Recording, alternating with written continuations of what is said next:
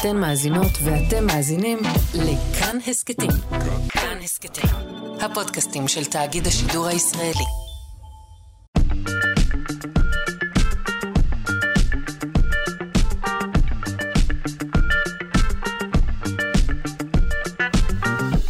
שלושה שיודעים.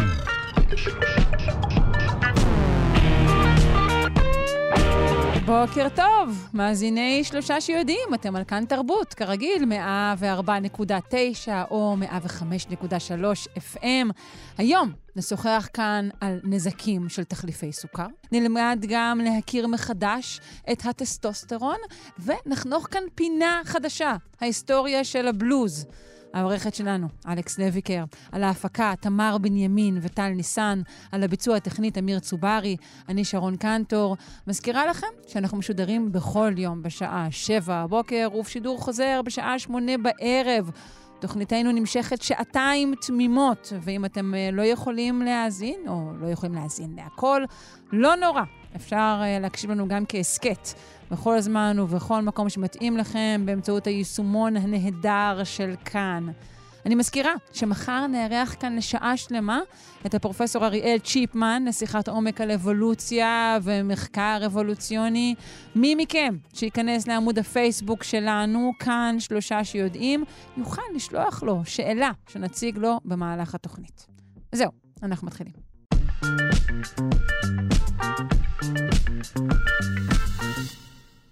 כבר שנים אומרים לנו שסוכר זה האויב. ובכן, קבלו אויב חדש, תחליפי סוכר. ממתיקים נטולי קלוריות, כן, משפיעים על הרכב ופעילות חיידקי המעי ועלולים גם לשבש את חילוף החומרים בגוף. נשוחח על המחקרים החדשים בתחום עם יותם כהן, דוקטורנט במחלקה לאימונולוגיה מערכתית במכון ויצמן למדע. שלום. שלום, שרון. אז מה, מה אומרים? אוקיי, סוכר לא, אבל גם תחליפי סוכר לא. או שאולי אתה בכלל לא אומר סוכר לא, זה בכלל לא, לא הקטע. אני חושב ש, שזאת הנקודה אולי הכי מעניינת בכל הסיפור הזה, שחשוב מאוד לציין, שסוכר זה עדיין לא, זה עדיין לא גדול. זה, זה, זה עובדה שהוכיחו אותה מעבר לכל ספק סביר במספר רב מאוד של מחקרים. ואנחנו עכשיו אולי קצת מעצבנים אנשים, שאומרים להם שגם התחליף הזה שמצאו, של המתיקים מלאכותיים, יכול באנשים מסוימים בעצם לפגוע בהתמודדות עם סוכר. אוקיי, mm, okay. אז אנשים רוצים מתוק, זה טעם שאנשים אוהבים, הם צריכים מתוק, ולכן הם באמת פנו מסוכר לתחליפים.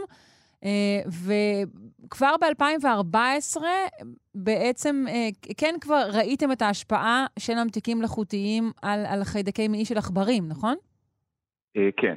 אז כבר ב-2014, בניסוי שנעשה בעיקר בעכברים, שבמי השתייה שלהם הוספנו את ארבעת המתיקים, שלושה המתיקים לא קלוריים של אספרטיים, סוכרלות וסחרין, כבר אז ראינו שאחרי שעכברים מקבלים את אותם ממתיקים, התגובה שלהם לסוכר נפגעת, לעומת התגובה לאחר שהם שותים סוכר או סוכרוז. ומה שיפה זה גם... רגע, תדגיש את זה שוב. זאת אומרת, התגובה כן. שלהם לסוכר רגיל, לגלוקוז, בדיוק. נפגעת כתוצאה מכך שהם צרכו תחליפים. בדיוק, בדיוק. ומה שגם כן היה מאוד יפה ב-2014, היא שאותם עכברים, כשהם מטופלים באנטיביוטיקה, לא הציגו את אותה תופעה. כלומר, לא רק שיש פה איזשהו שינוי, איזו תפיסה שממתיקים אה, עלולים לפגוע אה, בפגיעה בסוכר, אלא גם זה מתווך על ידי המיקרוביום שלנו, על ידי חידקי המעיים. Mm, איך ראיתם את זה? אז, אז, אז, אז בדיוק אה, ב setting של הניסוי שאותו ערכנו, אז אה, עכברים צרכו או סוכר או סוכרות, או את אחד הממתיקים, אספרטיים, סוכרלוס וסחרין. וקבוצות נוספות של עכברים צרכו בדיוק את אותם סוכרים וממתיקים, אבל עם אנטיביוטיקה. וברגע שראינו, התופעה שראינו בעכברים שצרכו את הממתיקים, אבל צרכו אנטיביוטיקה, בעכברים האלה בכלל לא ראינו פגיעה ברמות הסוכר שלהם. כלומר, רק עכברים שצרכו את אותם הממתיקים, ללא אנטיביוטיקה, שהמיקרוביום שלהם ככל הנראה הושפע על ידי הממתיקים המלאכותיים, הם אלו שהגיבו בצורה פחות טובה כשבדקנו אותם, בדקנו את תגובת הסוכר שלהם לאחר מכן. הבנתי, אוקיי. ועכשיו אנחנו רוצים בעצם שמונה שנים אחר כך למחקר המשך, נכון? בדיוק. אז כמו שאמרת, שמונה שנים אחר כך, זמן מאוד ארוך אה, לאחר הניסוי הראשון, אה, ניסוי קליני, הפעם בבני אדם, אה, 120 משתתפים, זה פרויקט שמאוד קשה. אה, אנשים בריאים, חשוב לציין שזה אנשים בריאים, אנשים שמול, שלא צרכו ממתיק, את אותם ממתיקים אה, בחצי שנה שלפני כן, זה מאוד מאוד קשה למצוא אנשים כאלו, אה, מסתבר. אה, ואותם אנשים באמת... אבל הם כן יכלו לצרוך סוכר להנאתם, נכון? בדיוק, יכלו אוקיי. לצרוך סוכר. הדבר היחידי שאיחל את הקבוצה זה באמת אנשים בריאים שלא צרכו בחצי שנה האחרונה ממתיקים מלאכותיים. ובמהלך הניסוי... בדקתם את אותם הממתיקים? סליחה שאני קוטעת לך עם שאלות, כן, אבל זה כן, אותם הממתיקים? כן, לא, לא, זה מעולה. אוקיי. כן, אז בעצם נתנו את אותם הממתיקים, ובנוסף הוספנו גם את סטיביה, ממתיק סטיביה, אז בעצם בדקנו את סחרין, סוכרלוז, אספרטיים וסטיביה. כן, שהפך ליותר ויותר פופולרי בשנים האחרונות, זה הגיוני שהוספתם אותו, אוקיי. ומה שמיוחד בסטיביה גם, שזה, אם דיברנו קודם על ממתיקים מלאכותיים, אז הסטיביה הוא, לא, הוא ממתיק שהוא לא מלאכותי. נכון, הוא תחליף, אבל הוא, אבל הוא, אוקיי, כן.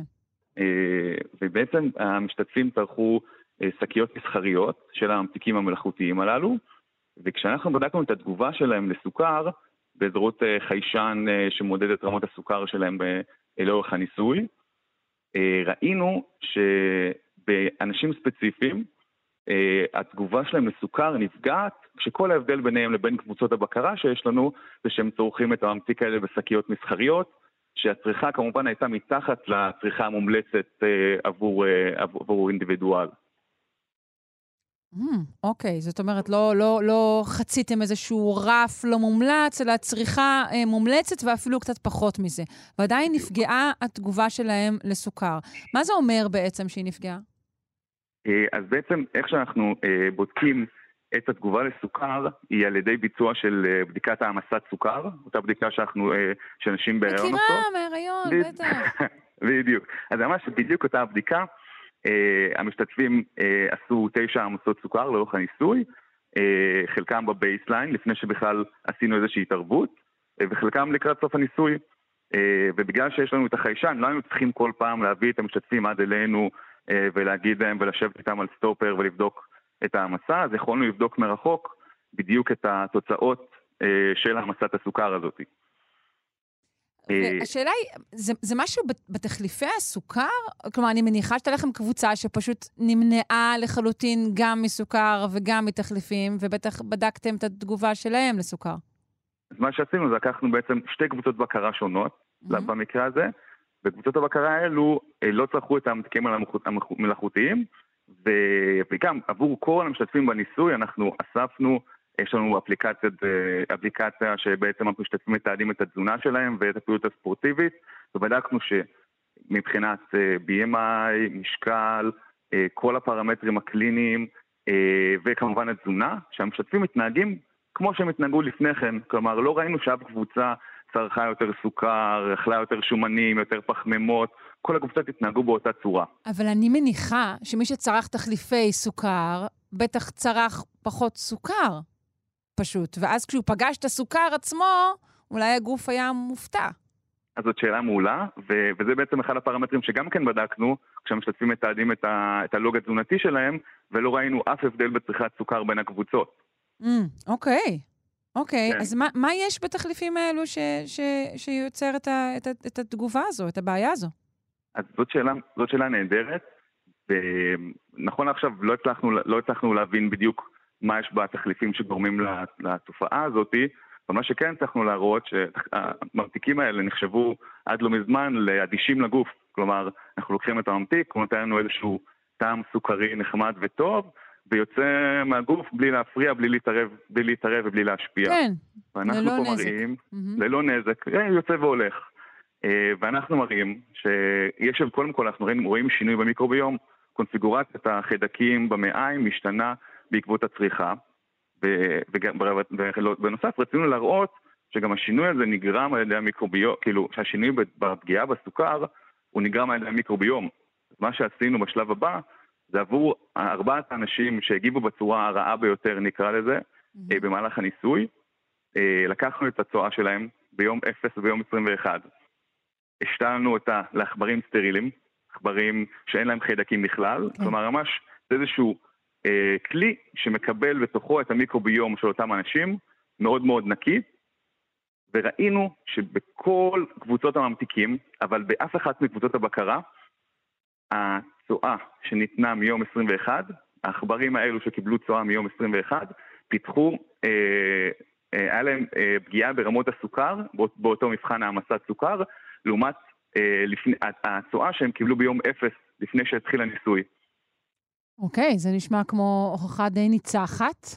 אה, מה בעצם אנחנו מסיקים, אבל, מהמחקר שלכם? שמה? שלא לצרוך אז לא תחליפי סוכר ולא סוכר, נכון?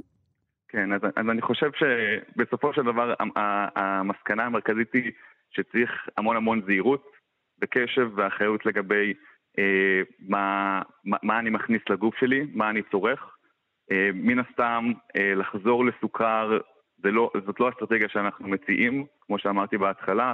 אה, סוכר הוכח כפוגע בבריאות. אה, אנחנו גם מציעים להיות מאוד מאוד זהירים כשצורכים ממתיק מלאכותי. חשוב לציין שכמובן אנחנו צריכים לעקוב אחרי התפתחויות בתחום הזה, להבין את ההשפעה של מרחקים שהם ארוכי טווח אה, של צריכת ממתיקים, אה, ובעבודת מחקר העבודה שלנו אף פעם לא נגמרת. אז כלומר, אתה צופה שיכול להיות שבתקופה ארוכה ביותר ת, תגלו אולי סטגלנות או סובלנות מסוג אחר, תוצאות אחרות? אז אני, אני, אני, אני לא יודע, אני לא רוצה אה, לשער השערות, אה, אבל זה משהו ש, ש, שאנחנו, שצריך, עוד, שצריך עוד להוכיח. כלומר, זה לא מה שהוכחנו במחקר שביצענו כרגע. מה שאנחנו הראינו, שאנשים שאינם צורכים ממתיקים אה, מלאכותיים, אה, ברגע הצריכה עלולים לפגוע בעצם ביכולת שלהם להתמודד עם סוכר באנשים ספציפיים. ואנחנו רואים את האפקט על המיקרוביום. ו- לא... ואנשים שפשוט כן. לא יפגשו סוכר, אז הם יכולים כן להמשיך להשתמש בתחליפי סוכר. כן, זה היגיון מאוד נכון. אה, בימינו, אה, כמות הסוכר שאנחנו צורכים ביודעין ובלא יודעין, כן. אה, בכל כך הרבה מוצרים, הצריכה המודרנית היא, היא אסטרונומית. כן, לא, לא, לא ניתן בעצם בפועל לא לצרוך סוכר כלל, אני חושבת. מאוד, מאוד קשה, כן. מאוד מאוד קשה. בסדר גמור. אה, ניזהר מהכל, יהודה כהן. בדיוק, ניזהר מהכל, לשתות מים וסודה. אני אשב כאן בחושך ואשתה מים, בסדר גמור. תודה רבה, יותם כהן, דוקטורנט המחלקה לאימונולוגיה מערכתית במכון ויצמן למדע. ביי ביי. תודה רבה, להתראות.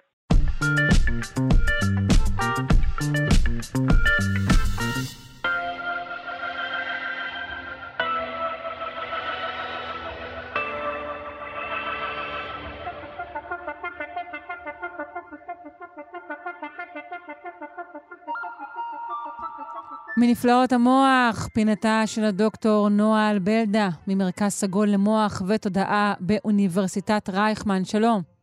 בוקר טוב. היום אה, נלמד על אה, פנים אה, חדשות של הטסטוסטרון, שעד היום ייחסנו לו בעיקר התנהגות אה, אגרסיבית. איך מסתבר שטעינו? נכון, אז אולי רק נגיד כמה מילים על מה זה טסטוסטרון. Mm-hmm. טסטוסטרון הוא בעצם הורמון הורמון אה, שנקרא הורמון מין, בגלל שבאמת אה, יש לו תפקיד משמעותי בהתנהגות מינית וגם בהתנהגות תוקפנית. אצל בעלי חיים הרבה פעמים הדברים האלה הולכים ביחד. וזה בעצם הורמון שמופרש מבלוטות המין, אצל גברים זה מהאשכים, אצל נשים זה מהשחלות, וחשוב לי להגיד שכן, גם אצל נשים יש הפרשה של טסטוסטרון, אמנם בכמויות יותר אה, נמוכות מאשר אצל גברים, אבל היא קיימת.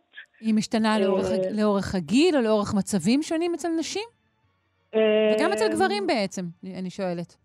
אצל גברים רמת הטסטוסטרון, זה משתנה כמובן כתלות בגיל, כי עד, עד שנכנסים לגיל הבגרות המינית הרמות מאוד נמוכות. כן. אחרי זה הרמות עולות, נשארות יחסית יציבות, והיום מתחילים לצאת מחקרים שמראים שיכול להיות שלקראת הזקנה רמות הטסטוסטרון אצל גברים מתחילות לרדת, קצת כמו מה שקורה אצל נשים עם אסטרוגנים, אבל לא, לא, לא בצורה כל כך דרסטית כמו אצל נשים. Mm-hmm. וטסטוסטרון באמת הוא הורמון שהרבה שנים חוקרים אותו בהקשר של תוקפנות, ויש כבר הרבה מאוד מחקרים גם בבעלי חיים וגם בבני אדם, שבאמת חשיפה לטסטוסטרון מעלה התנהגויות אגרסיביות, אה, והנה יוצא מחקר חדש שמראה... מה זאת אומרת ש... חשיפה לטסטוסטרון? זה מה שאני שואלת. הרי אמרנו שזה הורמון מין שמופרש מהאשכים, אז איך אנחנו נכון. נחשפים נכון. לו? נכון, אז כשעושים מחקרים בבעלי חיים, פשוט מזריקים. לוקחים אה, זריקה של טסטוסטרון, מזריקים אותה לבעל החיים, מכניסים אותו לאיזושהי סיטואציה מול בעלי חיים אחרים ובודקים איך זה משפיע okay. עליו. Okay. בבני אדם, אנחנו כמובן לא עושים את זה לצרכים של מחקר, אבל בבני אדם את יכולה פשוט לבדוק רמות טבעיות של טסטוסטרון ולנסות למצוא מתאם, למשל, בין טסטוסטרון גבוה לבין התנהגויות uh, של תוקפנות. אוקיי. Okay. Uh, וזהו, והנה עכשיו מחקר חדש שנערך בגרבילים, שזה סוג של מכרסמים. שמראה שההשפעות של טסטוסטרון הן לא כאלה פשוטות, אלא הן מאוד מאוד תלויות בקונטקסט, ויש קונטקסטים מסוימים שבהם טסטוסטרון דווקא מעלה התנהגויות חברתיות, אה, התנהגויות של דאגה לזולת, שוב, כפי שרואים בגרבילים, כן, אנחנו קצת מפרשים את זה, אבל אה, זה מחקר מאוד מעניין. מה באמת בדיוק ראו שם? כי אולי הם ראו משהו שנראה כמו חיבוק, אבל הוא בכלל התגוששות והליכת מכות. זהו, אז, אז קודם כל אני אגיד שגרבילים אה, הם בעלי חיים אה, מונוגמיים, זאת אומרת, הזכר והנקבה, מרגע שהם מזדווגים והנקבה נכנסת להיריון, הזכר נשאר איתה, הם מקימים איזשהו תא משפחתי, והוא עוזר לה לגדל את הצאצאים, שזה משהו שהוא די ייחודי בקרב מכרסמים. Mm-hmm. אה, ומה שבעצם עשו זה באמת לייצר כאלה זוגות של גרבילים, זכר ונקבה, הנקבות היו בהיריון, ואז בעצם לקחו את הזכר, הוציאו אותו לרגע מהכלוב, נתנו לו זריקה של טסטוסטרון, החזירו אותו לתוך הכלוב, כמובן בהשוואה לקבוצת ביקורת שלא קיבלה את הזריקה הזאת, והראו שהטסטוסטרון בעצם מאוד מאוד העלה התנהגויות של, של, של דאגה ואכפתיות, שבדרך כלל, שוב, זה מכרסמים, אז אה, רואים את זה בהתנהגות אה, פיזית. זאת אומרת, הזכר הלך והתקרבל עם הנקבה ובילה לידה הרבה זמן, וניקה אותה, כן, ממש התנהגויות, התנהגות של אפקשן, אבל שהיא לא מינית, כי הנקבה פה היא כבר בהיריון והיא לא מיוחמת, אז אין פה שום התנהגות מינית, אלא ממש התנהגות של, אגב, כמו בני זוג שמתחבקים ומתנשקים כי הם אוהבים אחד את השני. אמ, ומה שיפה הוא שאחרי זה לקחו את הזכרים האלה ושוב פעם נתנו להם זריקה של טסטוסטרון, ואז חשפו אותם בעצם לזכר שלכאורה פלש להם לתוך הטריטוריה. זאת אומרת, לקחו זכר בלתי מוכר, הכניסו אותו לתוך הכלוב של mm-hmm. הזכר שקיבל את הזריקה, ואז כן הייתה התנהגות תוקפנית. זאת אומרת, הזכר התקיף אותו, הרביץ לו, נשך אותו, מה שהיינו מצפים לראות כשיש פלישה לטריטוריה. כלומר, החיבה אה, והאמפתיה היו שמורות לנקבה שכבר נמצאת בהיריון. נכון, זאת אומרת, זה לא סתם נקבה, אלא נקבה שהיא בעצם בת הזוג. אה, וזה באמת מראה שטסטוסטרון, זה, זה לא נכון להגיד עליו שהוא הורמון שמעלה תוקפנות. זה, זה נכון להגיד עליו שהוא הורמון שעוזר לנו להתאים את ההתנהגות שלנו לקונטקסט החברתי שבו אנחנו נמצאים. זאת אומרת, אם אני עכשיו זכר והזריקו mm. לי טסטוסטרון ואני נמצאת עם בת הזוג שלי, אז הדבר הנכון לעשות בקונטקסט הזה יהיה להתחבק ולהתנשק איתה. אבל אם עכשיו יש איזשהו זכר שפולש אל הטריטוריה, הדבר הנכון לעשות הוא להתקיף אותו ו... ולגרש אותו.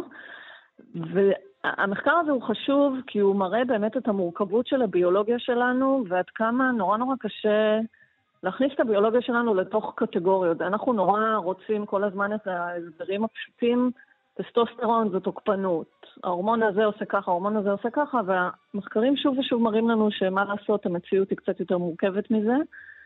אמ, וזה מעניין, ואני אגיד עוד משהו, שמה שהם עוד הראו במחקר הזה, בהקשר של ההתנהגות החברתית, זה שההזרקה של הטסטוסטרון גרמה בעצם לעלייה בפעילות של אוקסיטוצין, שזה הורמון mm. שמאוד מקושר להתנהגות חברתית.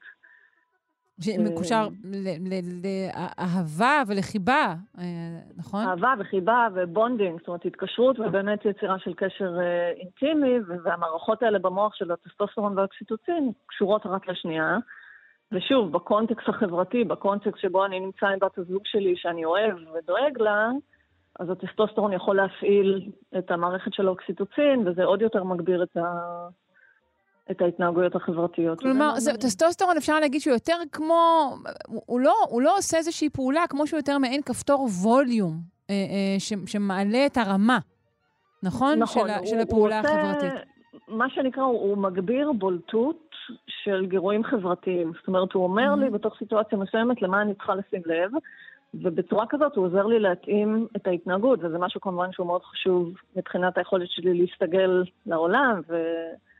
ולשרוד. אמ, אז, אז באמת, הורמונים באופן כללי, דרך אגב, לא רק טסטוסטרון, גם הרבה הורמונים אחרים, הם באמת מין סוג של, אני אגיד שוב קצת בפשטנות, מין חיישנים כאלה, כן. שאומרים לי לאן כדאי לי כרגע להפנות את הקשב, כדי לווסת התנהגות שבסופו של דבר תאפשר לי להתמודד יותר טוב עם העולם.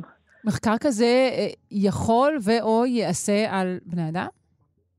אז אה, כן, אני אגיד שיש מחקרים דומים בבני אדם, גם בבני אדם הם כבר התחילו לגלות את האפקטים המורכבים האלה של טסטוסטרון, אבל שם הרבה פעמים מסתכלים על, על המצבים שבהם טסטוסטרון מעלה התנהגות חברתית כדרך לעזור לנו להשיג סטטוס.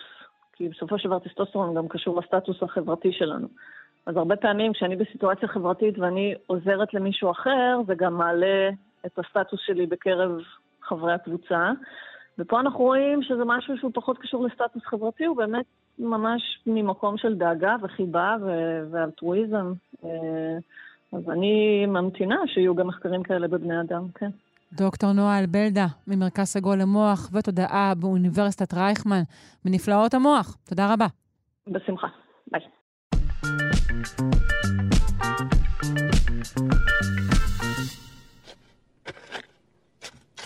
אוסף של מאות קוביות למשחק אה, ולניבוי עתידות מהתקופה ההלניסטית התגלה בבית גוברין.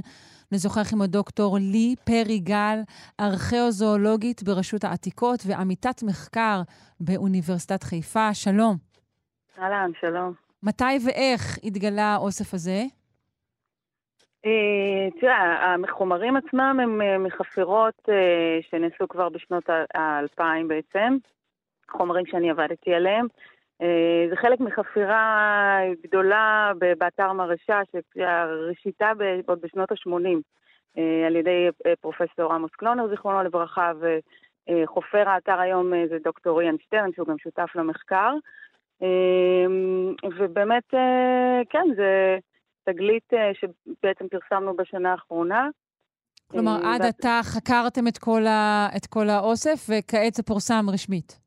נכון, במשך כמה, בשנים האחרונות היה המחקר, אבל כן, זה קצת מצחיק שבעצם אותו אוסף ישב הרבה, הרבה זמן בתוך המחסנים, עד שצריך להגיע מי שיתעסק איתו, מה שנקרא, ו...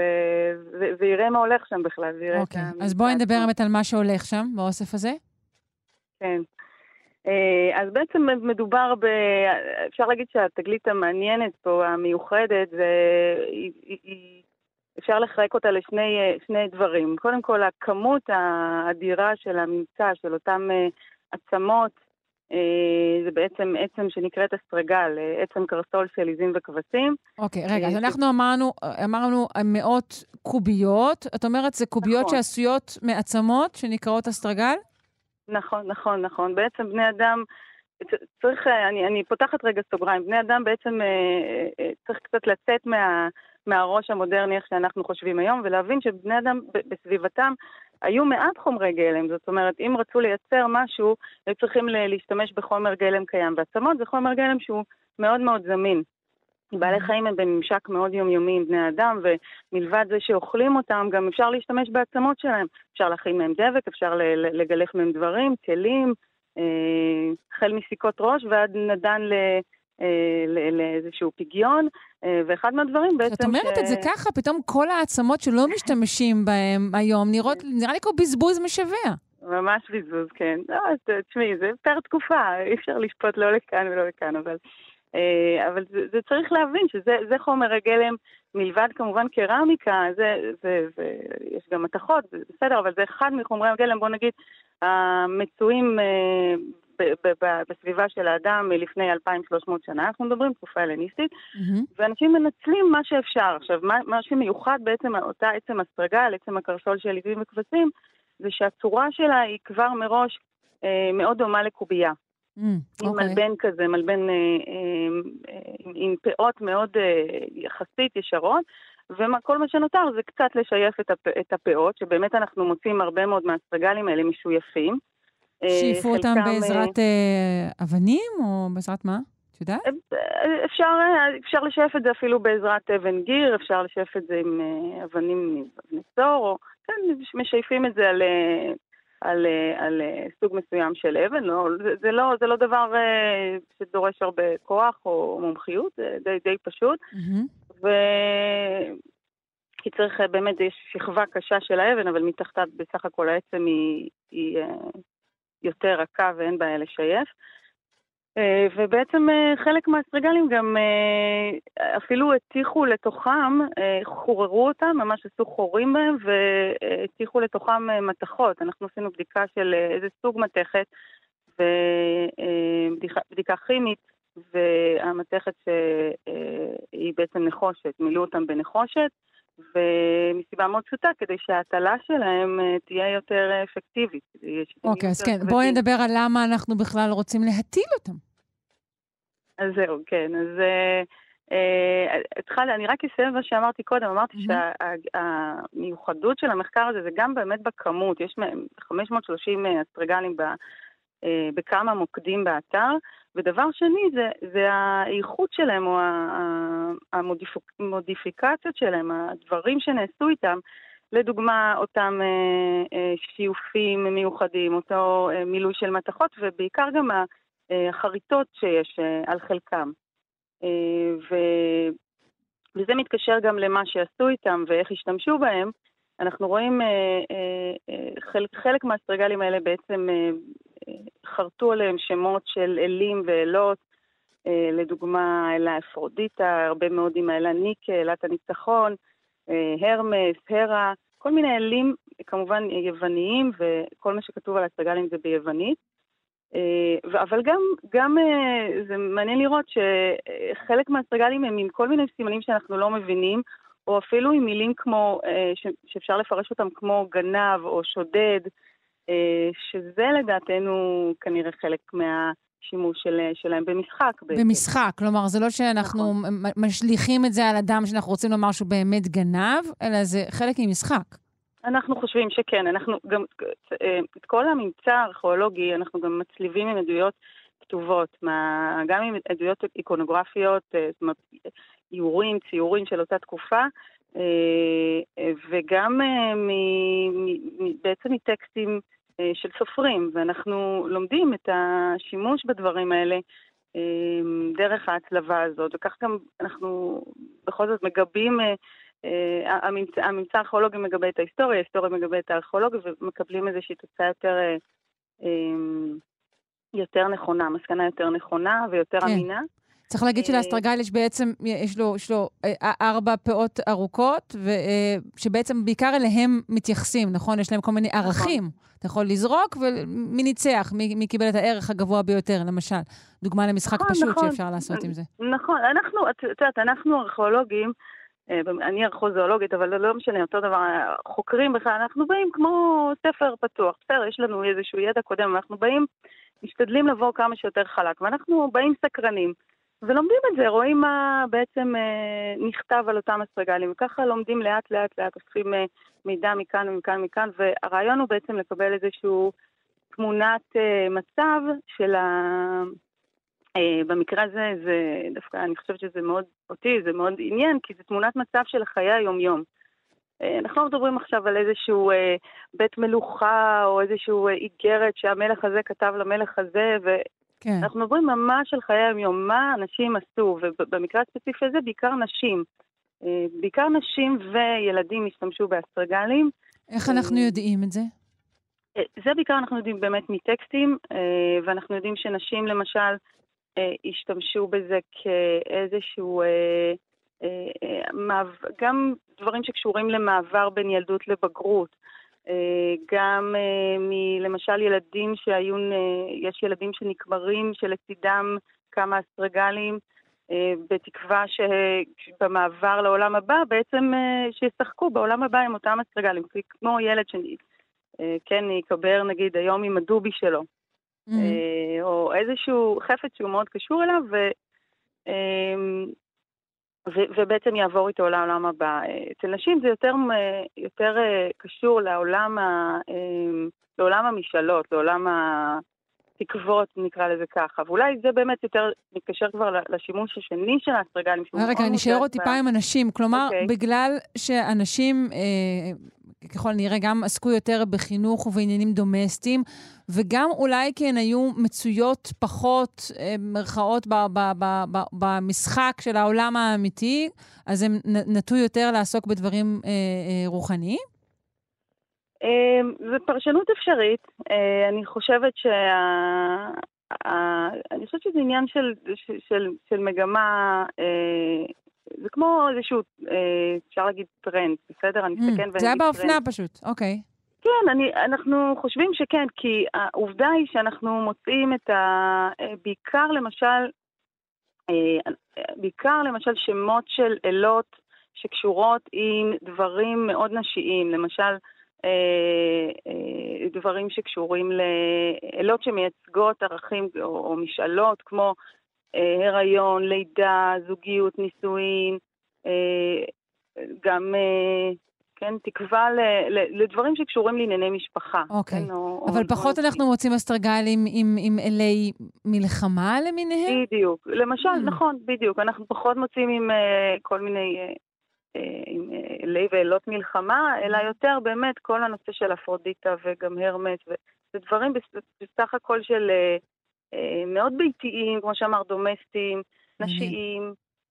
אה, אנחנו יודעים גם על מטמונים קטנים של, אה, שקשורים ספציפית לנשים. כל מיני עדויות דווקא לא מהאתר הזה, אבל אנחנו יודעים לקשר את זה בעיקר עם נשים וילדים. שבאמת צריך גם להגיד שהאסטרגלים במרשה נמצאו ב...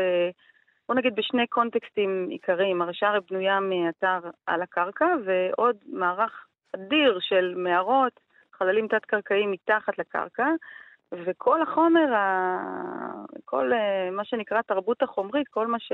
כל החומר הארכיאולוגי, באיזשהו שלב נפל, או במכוון או לא, לא במכוון, לאותם חללים תת-קרקעיים.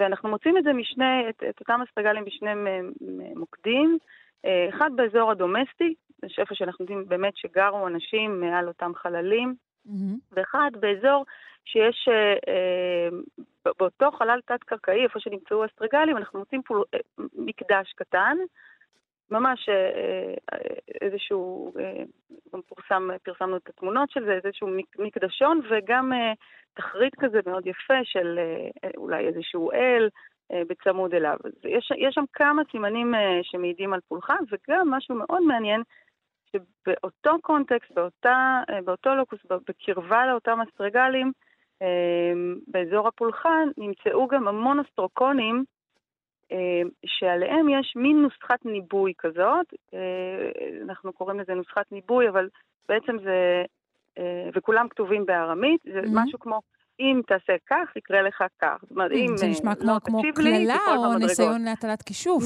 ממש ככה, ממש כמו קללה או ניסיון לכישוף. אמ, וזה היה אולי, זה היה תחום אה, גם כן נשי, או שדווקא זה היה תחום גברי, או שאנחנו לא יכולים לדעת? אנחנו לא יכולים. אני לא מתיימרת לדעת, אני לא חושבת שאפשר לדעת. אה, נהוג, יש מקורות שמדברים הרבה על נשים שמתעסקות בכישוף. אה, אני חושבת שזה עד מאוד מאוחרות, דרך אגב, זה תחום אה, די נשי. כן. אבל, אה, אבל כן, אנחנו לא יודעים, אנחנו במקרה הזה של הסטרוקונים אנחנו מדברים את הממצא בלבד. אמ, אבל זה לא מקרה שזה ביחד. שמעניין לראות, דרך אגב, שהאסטרגלים כתובים ביוונית והאוסטרוקונים, אסטרוקונים זה בעצם חתיכות של חרס שנחרטו עליהם אותם כתובות. כן, אותם כתובות, הם כתובים דווקא בארמית. זה כבר קשור בעצם לרב, לרב גוניות התרבותית של אותו אתר, שיש שם כל מיני תרבויות שחיות אחת לצד השנייה. מעניין מאוד. אה, ניתן לראות את האסטרגלים האלו, הציבור הרחב? אה, האמת כן, יש חלקם, אה, חלק מהם מוצגים אה, במוזיאון נכט. אתם מוזמנים מאוד להגיע למוזיאון אה, לארכיאולוגיה באוניברסיטת חיפה, בבניין הגבוה. Mm-hmm, כן. אה, וחלקם חלקם יוצגו בהמשך. יש תערוכה, דרך אגב, מאוד יפה, תערוכת קבע של, של ארכוזואולוגיה בעצם, של, ה, של התחום הזה שאותו אני, עליו אני מדברת, של השימוש בעצמות של בעלי חיים, וכל הנושא של תזונה וכלכלה ומסחר, ואותו תפקיד ש, של בעלי חיים בעול, בעולמות עתיקים, כן, החל mm-hmm. מהתקופה הפרה-היסטורית ועד אה, תקופות מאוחרות. כל אותה אה, אה, תערוכה מוצגת במוזיאון איך, תערוכת קבע, אז אני מאוד מזמינה את כולם לראות, מי ש... נהדר, נגיע בהקדם. אני מודה לך מאוד, דוקטור לי פרי גל, ארכיאוזואולוגית ברשות העתיקות ועמיתת מחקר באוניברסיטת חיפה. תודה רבה. תודה לכם, יום טוב.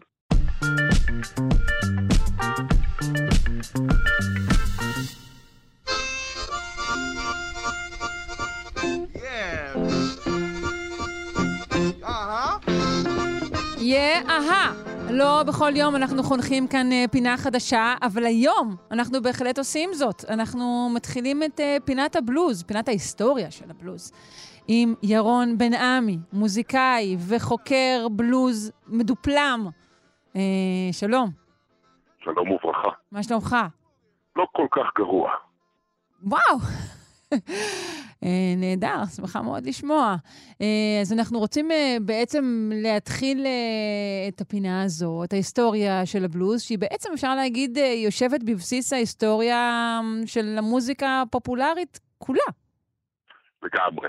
הבלוז הוא בעצם חלק ממהפכה מוזיקלית שהתרחשה בארצות הברית, בייחוד המוזיקה השחורה של ארצות הברית, אבל היו לזה השלכות גם למוזיקה הלבנה כמובן, בעשור האחרון של המאה ה-19 ושני העשורים הראשונים של המאה ה-20. עכשיו, הרצון לעשות מהפכה במוזיקה היה קיים לא רק בארצות הברית. למעשה, בדיוק באותה תקופה, באירופה, כחלק מההמצאה של מה שמכונה אומנות מודרנית, הרי גם הציור קוראים בו בתקופה הזאת דברים מרחיקי לכת. כן, turn of the century, סוף מאה ה-19. בדיוק, אימפרסיוניזם, אקספרסיוניזם, כל הדברים הללו. אה, ובאותו זמן, בכל מיני מקומות באירופה, בייחוד בווינה, יושבים ערימה של אנשים ממש מלומדים, ומנסים לפרק את המוזיקה לגורמים ולהרכיב אותה מחדש, להמציא אותה מחדש, אה, והתוצאות הן, אה, בואי נגיד שההצלחה הגדולה שלהם הייתה שהם סגרו עניין עם המוזיקה הקלאסית. מהרגע שהם עלו לבמה, אף אחד לא באמת מתעניין במוזיקה קלאסית. כשאני אומר אף אחד, כוונתי כמובן לציבור הרחב. כמובן. אבל אתה אומר שהיה שם רצון מכוון לחולל מהפכה, שנבע מה, משינויים טכנולוגיים, מחשיבה חברתית, גם וגם? גם וגם, תראי, המאה ה-19 הייתה גם המאה של המהפכה התעשייתית ששינתה בצורה דרמטית את אורח החיים של אנשים. פתאום יותר אנשים חיים מאשר בכפר, פתאום אנשים מתמודדים עם מכוניות. הסאונד של החיים השתנה. וגם התפיסות לגבי האנשים, זה המאה של הרעיונות הגדולים, של התפיסות הגדולות, מרקסיזם, קפיטליזם, אני יודע, פרויד, כל הדברים האלה, זה, זה המאה של ה... המודלים הגדולים. כן. ואנשים החליטו, במודע, לגשת, אגב, אנשים באמת, מוזיקאים מעמיקים, יודעי דבר, שמסוגלים לכתוב כרכים עבי כרס. קשה להם לכתוב מנגינה שאפשר לשרוק בדרך הביתה, אבל ספרים עבי כרס הם יודעים לכתוב. והשיא של התהליך הזה באירופה אה, קורה בשנת 1913 בקונצרט של אה, יצירות של וברן אה, ושל אלבן ברג ושל ארנולד שיינברג, קונצרט שזכה, נכנס לאיפוריה בשם הסקנדל קונצרט, בגלל שהקהל הגיב מאוד קשה ליצירות. אולי אנחנו יכולים רגע אחד לשמוע קטע מתוך כן. יצירה שנוגנה שם של אלבן ברג. בואו נשמע ו... מה עורר את התרעומת.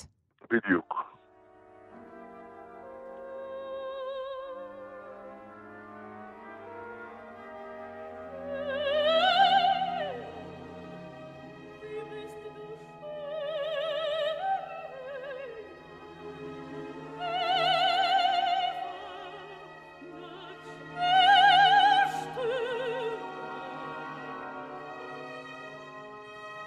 חשבתי שתביא לי לפה בלוז, ואתה מביא לי כאן פה, מה זה, ממש מהשטן, זה אטונלי, זה נורא, זה מקרקש לי את המוח. זה נורא, אי אפשר לשמוע את זה. אי אפשר לשמוע את זה.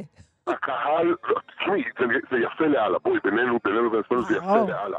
אבל זה לא מוזיקה, את יודעת, שאת שומעת ככה בשביל, אה, ביום-יום, בשביל שיהיה לך נחמד ומקפיץ. בשביל chilling, כן, ברור.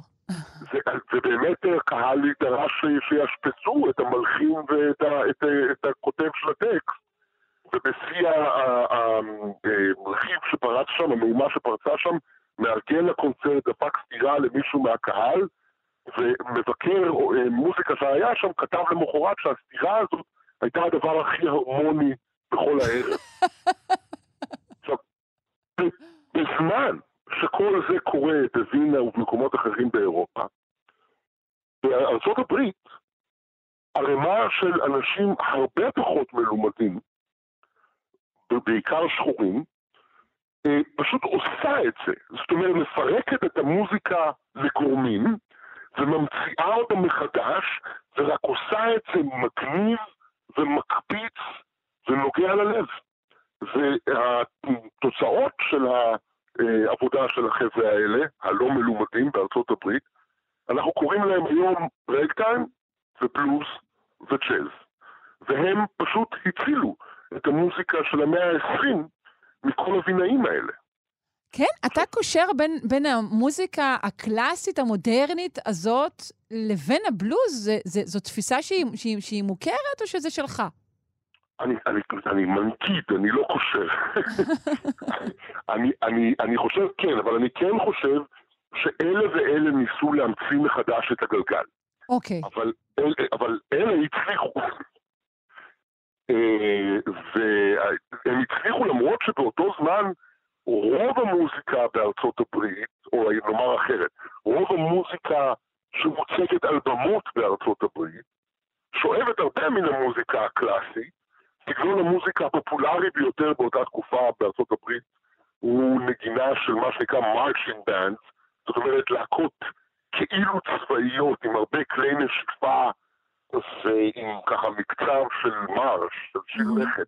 כן. אה, גדול המלחינים של, של הז'אנר הזה נקרא ג'ון פיליפ סוזה, אנחנו גם יכולים לשמוע עכשיו אה, את אה, ביצוע של אחת היצירות שלו, של הקדט מרץ', אה, נשמע רגע ונבין את מה היה צריך לשבור. הקדט מרץ'.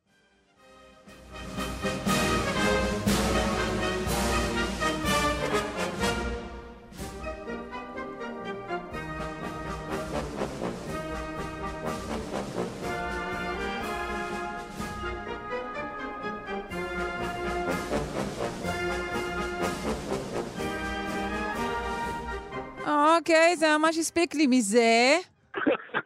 אבל את מבינה רגע שנייה שיש כאן אה, אה, פתח למשהו.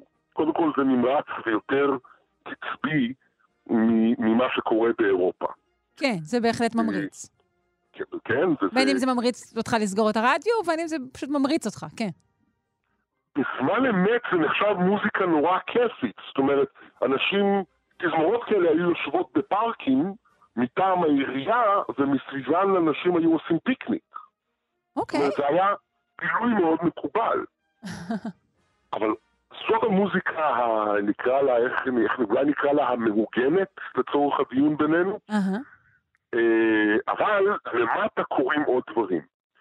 למטה, זאת אומרת, במוזיקה שלא עולה על הבמות שלבנים אוהבים להגיד שהם הולכים לשמוע בהם. בגלל שהסיפור של מוזיקה אמריקאית, כמו הסיפור של ארה"ב בכלל, כל הזמן זז סביב השאלה של היחסים uh, בין הגזעים, מה שנקרא. כן.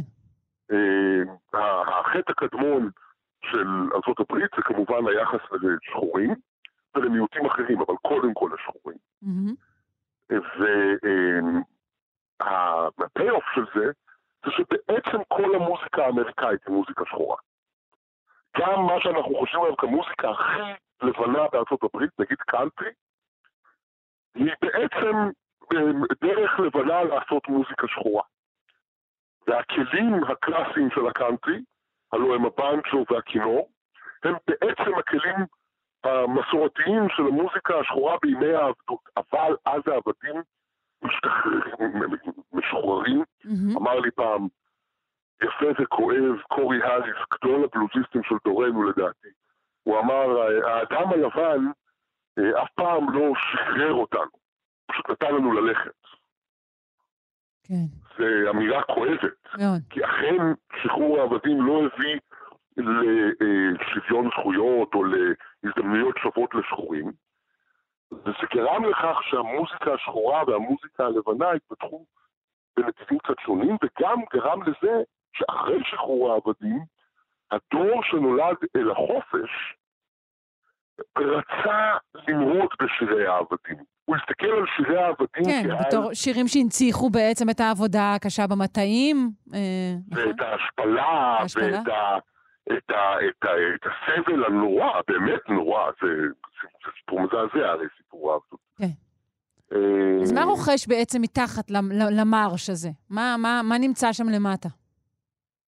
מה שנמצא מת, מתחת למרש הזה זה מוזיקה ששחורים מנגנים על במות לא מאורגנות, או בכל מיני סיטואציות לא מאורגנות, אה, וזה מוזיקה שמושפעת גם ממסורות אפריקאיות, גם ממסורות אירופאיות, אבל לאו דווקא קלאסיות, אלא יותר מוזיקה אירית ודברים כאלה שהשחורים שמעו ונהנו מהם, וגם מן הכלים שהתפתחו, ובראשם הפאנצ'ו.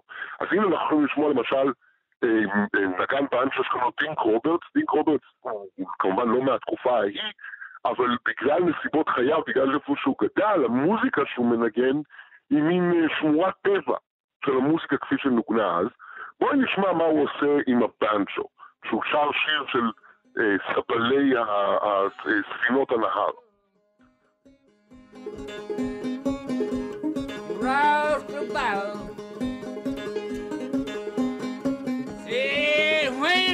go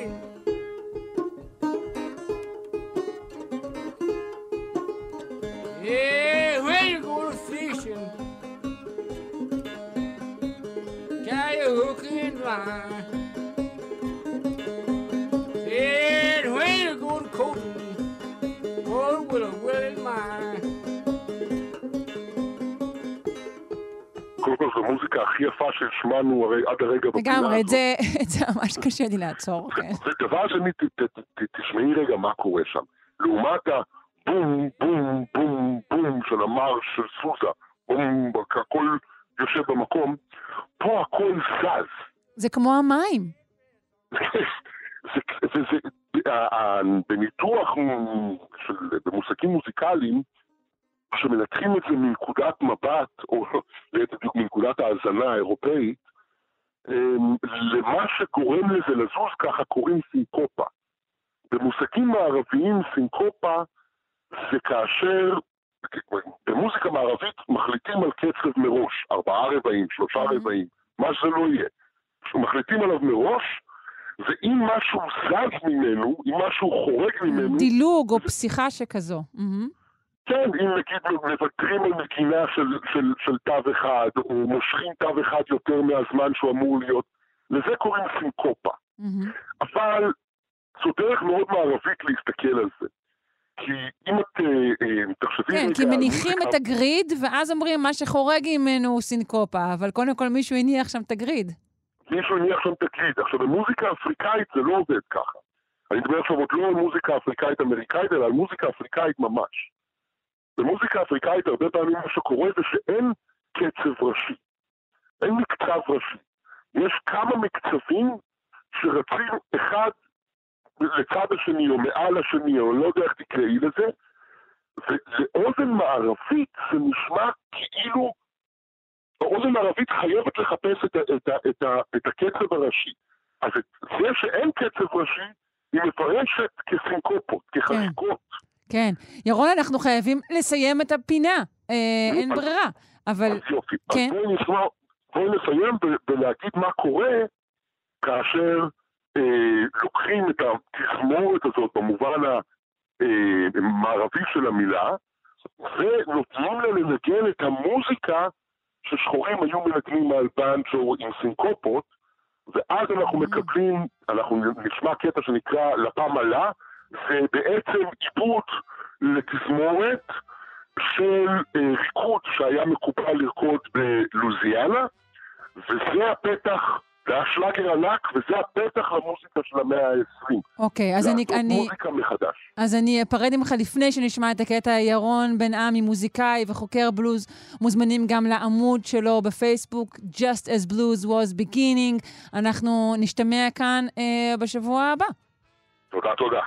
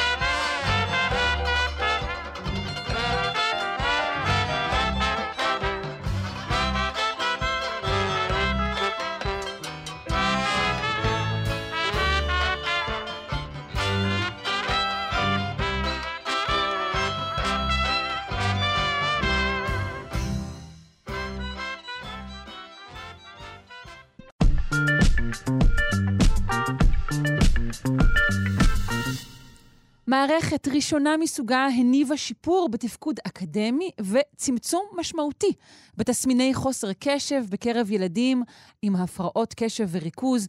נשמע על המערכת המסקרנת הזו מהפרופסור לילך שלו מבורך, ראש החוג לחינוך מיוחד וייעוץ חינוכי וראש מעבדת הקשב בבית הספר לחינוך ובבית ספר סגול למדעי המוח באוניברסיטת תל אביב. שלום, בוקר טוב. בוקר טוב. אני רוצה קודם כל, אה, לפני שאנחנו ניגשות למערכת החדשנית אה, עצמה, אה, לשוחח על ההיבטים אה, של אה, בעיות קשב. זה עניין מורכב. מורכב מאוד. אז אשמח אם תפר, תפרטי אותם בפנינו. אוקיי, okay, אז uh, באמת, uh, אני חושבת שהמפתח להבנה uh, uh, טמון ב, uh, בידיעה שאנחנו, מערכת הקשב האנושית היא מערכת מורכבת, היא לא, זה לא תפקוד אחד אחיד ויחיד, uh, אלא מדובר בעצם במערכת uh, וביכולת קוגניטיבית רב-מימדית. ולפני שנים יש הרבה, בכלל קשב זה מחקר, זה תחום מחקרי מאוד מאוד מפותח וענף אה, בעיקר בהיבטים התיאורטיים, ואנחנו כבר שנים, עשרות שנים יודעים את הדבר הזה שעכשיו אמרתי אותו. אה, וזה אומר שכשאנחנו, גם כשאנחנו מסתכלים על אה, החלק הפחות יעיל של התפקודים האלה, של הרצף הזה של היכולת הקשבית של בני אדם באשר הם, זה אומר שכשיש לנו קושי קשבי, אין לנו, אין לנו אה, אה, פרופיל יחיד שמסביר, שעומד בבסיס הקשיים האלה, אלא מגוון של אה, פרופילים. Mm-hmm. דהיינו, אני יכולה להיות מאוד טובה בהיבט מסוים של קשב, אני יכולה להישאר איתך קשובה לאורך זמן, גם, גם אם תשעממי אותי, נאמר, לצורך הדוגמה, אבל כשנדרשת ממני איזושהי פעילות אה, אה, אה, ש... אה, שבעצם אה, אה, דורשת התמקדות בהיבט אחד של הפעילות, של הגירויים שאני נחשפת אליהם, ואני צריכה לדחות את העיבוד של היבטים אחרים שלה, מאוד מאוד קשה לי. Hmm, אוקיי. זאת רק דוגמה אחת מיני רבות. כן, כן, בהחלט נגעה לי דוגמה זו. אז אנחנו פחות או יותר, אפשר להגיד שהמודל מתייחס לארבע פונקציות עיקריות של קשב, כשאנחנו נכון ננתח את הנושא? נכון מאוד. אנחנו מבחינים, אנחנו בעצם מנסים באמת אה, לפרק אה, ולנתח את אה, התפקודים הקשביים של כל אחד ואחת מאיתנו לארבע פונקציות קשב, לארבעה תפקודי קשב, וגם חשוב לי שנבין שהדבר היותר מורכב זה הרב-מימדיות. אם זה ארבעה תפקודים, או אם בעוד עשר שנים אני אגיד לך, לא, תקשיבי, יש לנו יותר מארבעה תפקודים, זה פחות, פחות חשוב, ההבנה ש, שבאמת הסיפור הזה מורכב בדיוק כמו שפתחת, זאת ה, שם טמון באמת אה, המפתח הראשוני, כמו אוקיי. שאמרתי. Okay. אז אנחנו מדברים על קשב מתמשך, הפניית קשב, קשב סלקטיבי ובקרת קשב. זה ככה נכון אה, לסבר מאוד. את האוזן. בואי ניגש אל המערכת החדשנית עצמה. זה מערכת אימון ממוחשבת. נכון, אני רוצה רגע, אני רוצה לדייק אה, ברשותך. בוודאי. המערכת הממוחשבת זאת מערכת ש... המקורית, מהמם. זאת מערכת שפיתחנו אותה כבר לפני הרבה שנים. אה, לוקח הרבה זמן אה, לייצר אה, מחקרים שבודקים בצורה מאוד מאוד, אה, ככה הייתי אומרת אפילו קשוחה, את היעילות של, ה, אה, של מערכת כזאת, של מערכת אה, לאימון תפקודי קשב. אה, ובעצם אנחנו, מאחורינו יש אה, סדר גודל של 15 שנים שבהם עשינו כל מיני מחקרים, אנחנו ואחרים שעבדו עם המערכת שלנו, אה, כדי באמת לראות, לוודא ולבדוק שאנחנו מצליחים לא רק לשפר תפקודי קשב, שזה משימה מורכבת בפני עצמה, לאור מה שכבר אמרנו, אלא גם שהשיפור התפקודי הזה, השיפור של תפקודי הקשב, מוביל ומניע שיפורים בתפקודים יומיומיים. אוקיי? אז את, הדבר, את המערכת הראשונית, אה, המקורית, פיתחנו כאמור לפני שנים. מהמם. אני אומרת, אה, פיתחנו וזה ביחד עם אה, שותפים כמובן. והחידוש עכשיו, הדבר ה- החדש חדש אה, שהוא עדיין מסתיים, את ה, מסתיים, את, את, מסתיים תהליך האפייה שלו בתנור, זה עדכון ופיתוח ושדרוג של המערכת הזאת, וזה הדבר שמאוד מאוד עכשיו אה, מלהיב אותנו. כי המערכת הקודמת הייתה מערכת אה, שאפשר היה בעצם לעבוד איתה רק במחקרים ובמרחקים, מחקרים מאוד מבוקרים וככה קפדניים, כאלה שאנחנו עושים בדרך כלל במעבדות המחקר שלנו, ופחות אה, בשימושים אה, בשדה. וכעת את, את חושבת שהיא תעבור כבר אה, לשימוש של הציבור, נגיד של, בב- בבתי ספר לצורך העניין? בדיוק, וזה, אם, אם אה, זה בסדר מבחינתך, אני רוצה באמת אה, לעמוד על הייחוד של הפרויקט שעכשיו אנחנו עומדים לסיים אותו. אה, יופי, אה, אז כאמור, אנחנו, אני חוקרת אה, באוניברסיטה, אנחנו, רוב המחקרים שאנחנו עושים הם כאמור מחקרי מעבדה. הפרויקט הזה הוא פרויקט, פרויקט יחיד במינו, הראשון שאני מעורבת בו. אה, זה פרויקט שנעשה בשיתוף פעולה של חוקרים מאנגליה, ספרד אה, ויוון, בנוסף לישראל, ואני רוצה גם להזכיר את ה, אה, אפילו את ה-coordinators של הפרויקט הזה, זה חוקרים אנגלים, אה, אחד מהם הוא דוקטור כרמל מבורך, והשנייה דוקטור אה, לילה קוסיבקי, שניהם מאוניברסיטת ברמיגם באנגליה.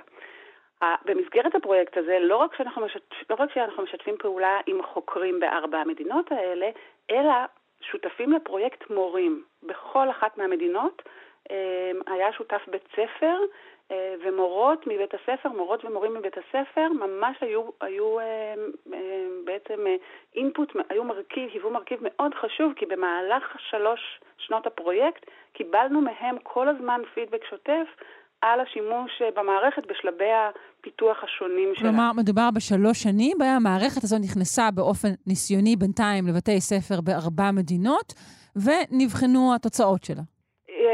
צריך להגיד את זה בעדינות. המע... המערכת שבתחילת הפרויקט הם עבדו עם המערכת הוותיקה, זאת שאת מהמם, באמת כן. דיברת עליה בצדק, וזאת המערכת שלגביה יש לנו עדויות מחקריות מסודרות. כמו שאמרתי, מחקר קפדני אה, עם מתודולוגיה מאוד מאוד אה, לא פשוטה. אה, בסוג המחקרים האלה. ה- המערכת החדשה בעצם היא הלכה והתהוותה, זאת אומרת, ה- היא באמת, אה, הם, ניס- המורים ניסו אה, אותה ועדיין מתנסים בה, אבל זה עדיין לא, זה לא משתווה למחקרים הקפדניים שעשינו עם המערכת כן. הקודמת. אוקיי, את זה אבל אנחנו בוא, בואי, נעשה. אנשים כבר ממש רוצים לדעת מהי אותה מערכת. זאת כרגע עדיין בחזקת ישות נעלמה. על אני- מה מדובר? אז מדובר בסך הכל במערכת ממוחשבת ש, שבעצם מה שאנחנו עושים בה, אנחנו לוקחים, למעשה היא מתמקדת בשלוש מארבע פונקציות הקשב שהזכרת קודם, בקשב מתמשך, קשב סלקטיבי מרחבי ובקרת קשב. בכל אחת משלושה התפקודים, בכל אחד, סליחה, משלושת התפקודים הללו, בנינו למעשה, אה, נקרא לזה קבוצה של אה, מטלות אימון, אה, הן כולן מטלות חזותיות.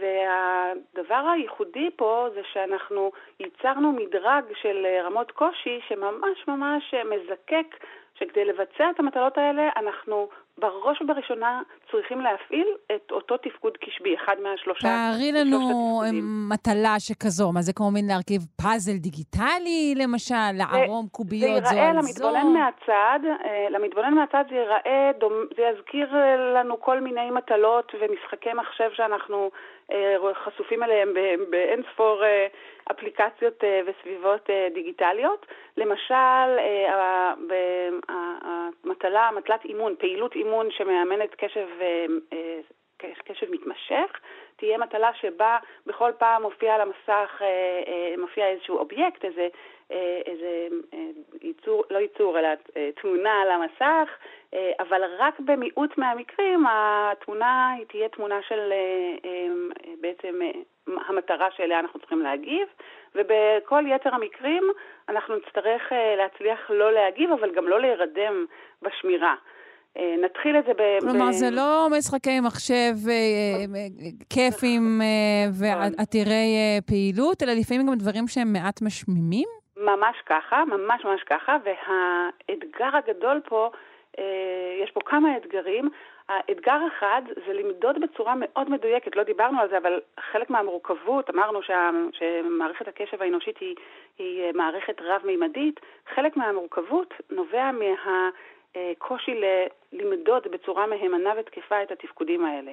הייחוד של המערכת הזאת שלנו, שלא במקרה נשענת על מחקר בסיסי ענף, זה בזה שאנחנו בעצם גם מאוד בקפידה בוחרים את פעילויות האימון, ועוד יותר בקפידה בוחרים את הדרך שבה אנחנו מודדים אה, את הביצוע של כל אחד מהמשתמשים, כי זה המנוע ללמידה, זה באמצעות המדידה הדקדקנית הזאת, אנחנו בעצם נותנים למתאמן פידבק מאוד מאוד אה, אה, מותאם לו אישית, וזה בעצם מייצר, ושוב, זה ייחוד של המערכת שאם את שואלת אותי, אני לא יודעת להסביר לך איך יכול להיות שמאז ש...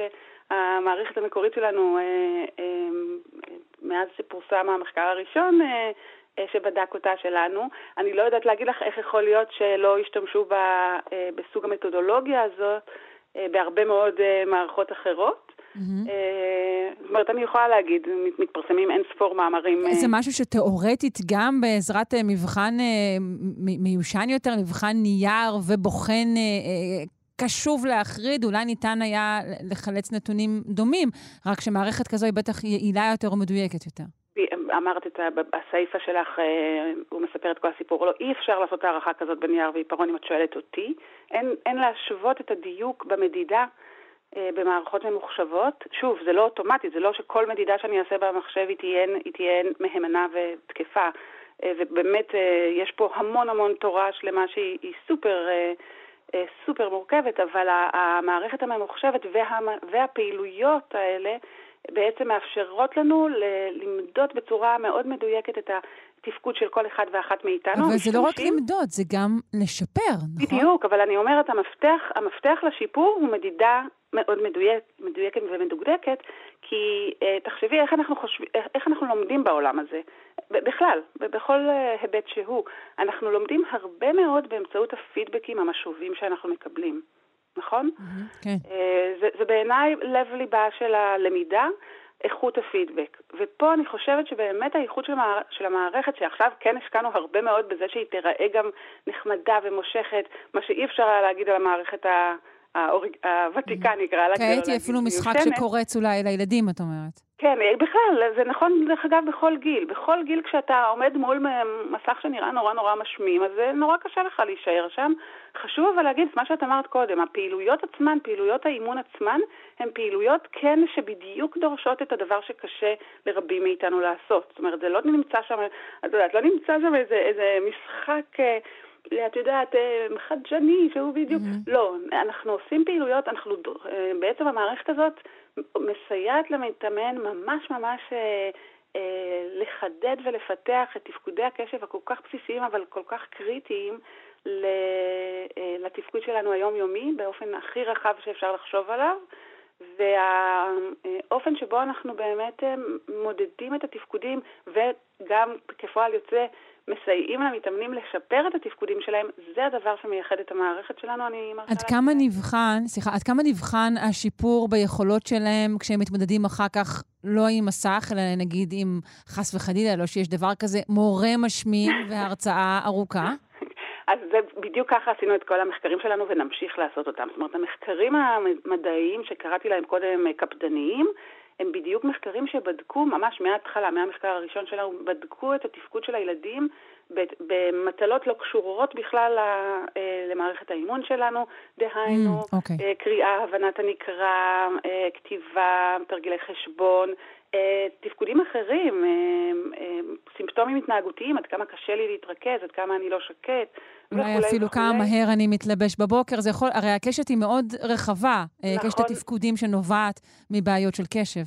נכון מאוד, והמחקרים שלנו, אם אני רוצה להיצמד ממש לדברים שאנחנו בדקנו והעדויות שלנו יש, הם אה, באמת העדויות שיש לנו לגבי שיפור, או למעשה העברה, אנחנו קוראים לזה העברה של, של הלמידה, טרנספר uh, באנגלית, uh-huh. באמת נוגעים לסימפטומים של חוסר קשב, היפראקטיביות ואימפולסיביות מצד אחד בצד ההתנהגותי ולתפקודים לימודיים בצד האקדמי, שזה uh, חשוב לי לציין שזה uh, אחד הדברים ש... באמת קשה, מקשים מאוד על ילדים ומבוגרים, גם, גם סטודנטים בהשכלה גבוהה, אה, כשמתמודדים עם קשיי קשר. זהו, אז אה, ש... באמת שאלה אחרונה, כי כבר גלשנו כן, כן. בזמן. אה, על, על, איזה, על איזו קשת של היעדר קשב אנחנו מדברים? כי היום כולנו מתהדרים ברמה מסוימת של בעיית קשב, כתוצאה באמת מריבוי גירויים שכולנו מכירים ויודעים. על, על איזה סוג של, של בעיות קשב אנחנו מדברים? אז אנחנו מדברים בראש ובראשונה כן על uh, ילדים ומבוגרים שאובחנו באופן uh, מסודר קליני, בין אם mm-hmm. uh, בין במקרה של חלק מהמחקרים שלנו נעשו על אנשים עם ADHD, הפרעת yeah. קשב, עם או בלי המרכיב ההיפראקטיבי, ועל ילדים עם אוטיזם. אה, יש לנו גם מחקרים עם קבוצות קליניות אחרות, אבל חשוב לי להגיד שהמערכת, כמו שתיארתי, כמו שאפשר היה להבין מהתיאור שלי, היא בעצם ממש מתלבשת על המשתמש, על המתאמן אה, באופן אישי, ולכן נפתחת פה אפשרות, גם לא ציינתי את זה, זאת מערכת שתהיה פתוחה לציבור הרחב. כלומר, תאורטית, אם אני מעריכה שלי יש איזושהי בעיית קשב באחד המדדים שציינת, גם אני עקרונית אוכל להשתמש בה כדי נכון לשפר. את הקשב שלי? חד משמעית. גם כשאין לך בעיה, את, את תוכלי לשפר את תפקודי הקשב שלך, מה שאני עוד לא יודעת להגיד לך היום, ואני מקווה מאוד שאני אוכל להגיד לך בעתיד הלא רחוק, כי uh, אנחנו נפתח את האפשרות, ואנשים יוכלו באמת uh, להשתמש בזה בכל, uh, um, בכל המגזרים. אני לא יכולה להגיד לכל אחד ואחת איך יתורגם, את מבינה כן, מה אני כן, איך בוודאי. יתורגם השיפור בתפקודי הקשב לתפקוד היומיומי שלך כמראיינת מוכשרת. אה, ומדהימה, או בכל תפקיד יומיומי אחר שלך. אז זאת נקודה שחשוב להבין אותה, אה, מה אנחנו כן יכולים. אני אתקשר אלייך. פרופסור, אני לא רוחצת כלים טוב יותר, מה קרה כאן? בסדר גמור. אה, נזכיר שם המערכת שלא הזכרנו, זה נכון, זה CPAT, זה Computerized Progressive Attentional Training. אה, מעניין מאוד, אנחנו נקרא עוד על הנושא הזה. פרופסור לילך שלו מבורך, ראש החוג לחינוך מיוחד וייעוץ חינוכי וראש מעבדת הקשב בבית הספר לחינוך ובית ספר סגול למדעי המוח באוניברסיטת תל אביב. תודה רבה לך. תודה רבה לך, ואני מזמינה את כולכם uh, לעבוד על הקשב שלכם בכל מיני אופנים. בהחלט, תודה, ביי.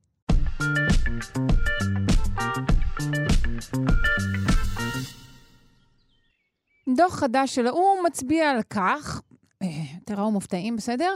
שמחוקקים ברחבי העולם מסתכלים רק על התועלת הכלכלית המיידית שאפשר להפיק מהטבע, ומתעלמים אה, מהערך שלו בהיבטים שקשה יותר לכמת במספרים, כמו למשל השפעתו על הנפש, התפקיד התרבותי שלו, אה, ואני אוסיף גם אולי זכותו להתקיים, שלא בקשר אלינו, המין האנושי.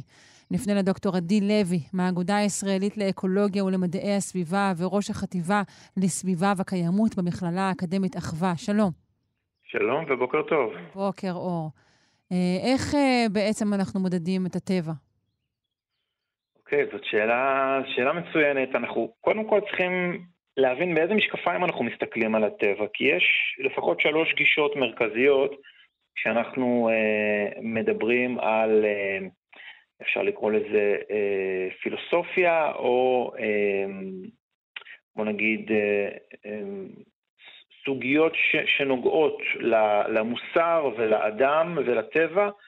הגישה הראשונה, הגישה האנתרופוצנטרית, בעצם האדם עומד במרכז, רק לו לא יש ערך וחשיבות וזכאות ליחס מוסרי, וכל השאר הם משאבים, בעצם גישה שמאפיינת או אפיינה עד מאוד את העולם המערבי, נכון, וגם איזושהי התייחסות של הדתות המונתאיסטיות. נכון, אבל גם בתוך הגישה האנתרופוצנטרית, גם בה ניתן לחלק את הדברים גם לתועלת אה, אה, פיזית, מיידית, ניתנת אה, לחימות אה, אה, כספי, ותועלות אחרות, נכון? נכון מאוד. אז, אז בגישה האנתרופוצנטרית אנחנו יכולים למשל אה, להסתכל על המערכת האקולוגית כאיזושהי מערכת שמספקת לנו שירותים.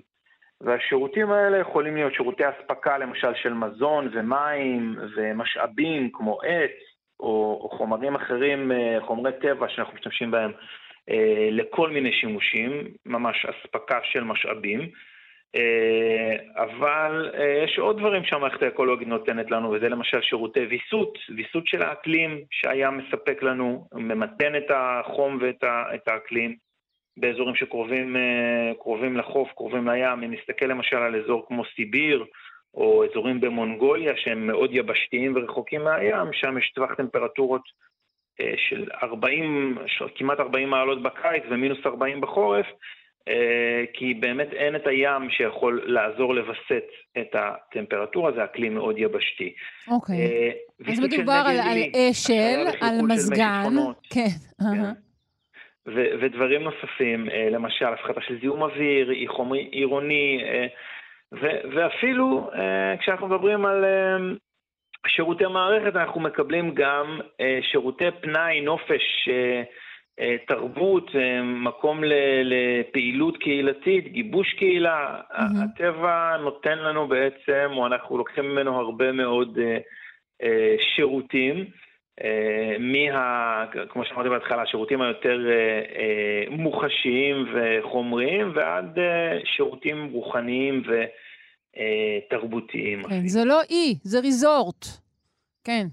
כן, אז, אה, אז זה לגבי שירותי מערכת אקולוגית, הגדרה שנכנסה בשנים האחרונות, ודרך אגב היא נועדה גם אה, כדי שיהיה אפשר אה, לכמת ממש ערך כלכלי של מערכת אקולוגית, כי אם אנחנו יודעים כמה, היה, כמה יהיה הערך הכלכלי של השכונה שנבנה על אותה מערכת אקולוגית, אם נוכל לכמת מה ערך אותה מערכת אקולוגית, אולי שווה לנו גם כלכלית בעיניים של קובעי מדיניות, בסוף להשאיר את אותה מערכת אקולוגית שלמה. אה, פשוט ו... כי, כי זה יותר משתלם להשאיר אותה ככה. זה יותר משתלם כלכלית, כן. אוקיי, כן. זאת אומרת, זה, אנחנו מדברים... כן, אז אנחנו מדברים בעצם על שכל הגישה הזו אה, היא בעצם נשענת על זה, או נובעת מכך שריספקט, בוא נאמר, לטבע כשלעצמו, אה, ללא המדדים האלו, לא כל כך קיים. אה, נכון. אז, אז ההסתכלות הזאת היא הסתכלות מאוד, שוב, אנתרופוצנטרית, הסתכלות על האדם, על מה שטוב לאדם, מה שחשוב לאדם. מצד שני, יש לנו אה, גישה פילוסופית נוספת שנקראת הגישה הביוצנטרית, והיא בעצם מעמידה במרכז את היצור החי, אה, והאדם הוא אחד מהיצורים החיים, אין לו מעמד מועדף, ולכולם יש ערך פנימי, לכולם יש ערך מוסרי, ולא מסתכלים על אף אחד כמביא תועלת או לא מביא תועלת. יש גם גישה נוספת שמסתכלת על המערכת האקולוגית, גישה אקוצנטרית, היא מסתכלת על כלל המערכת האקולוגית ועל הערך שיש לה. אה, וליצורים בתוכה גם יש ערך לכל אחד אה, משל עצמו, אבל הערך החשוב יותר הוא הערך של המערכת האקולוגית עצמה.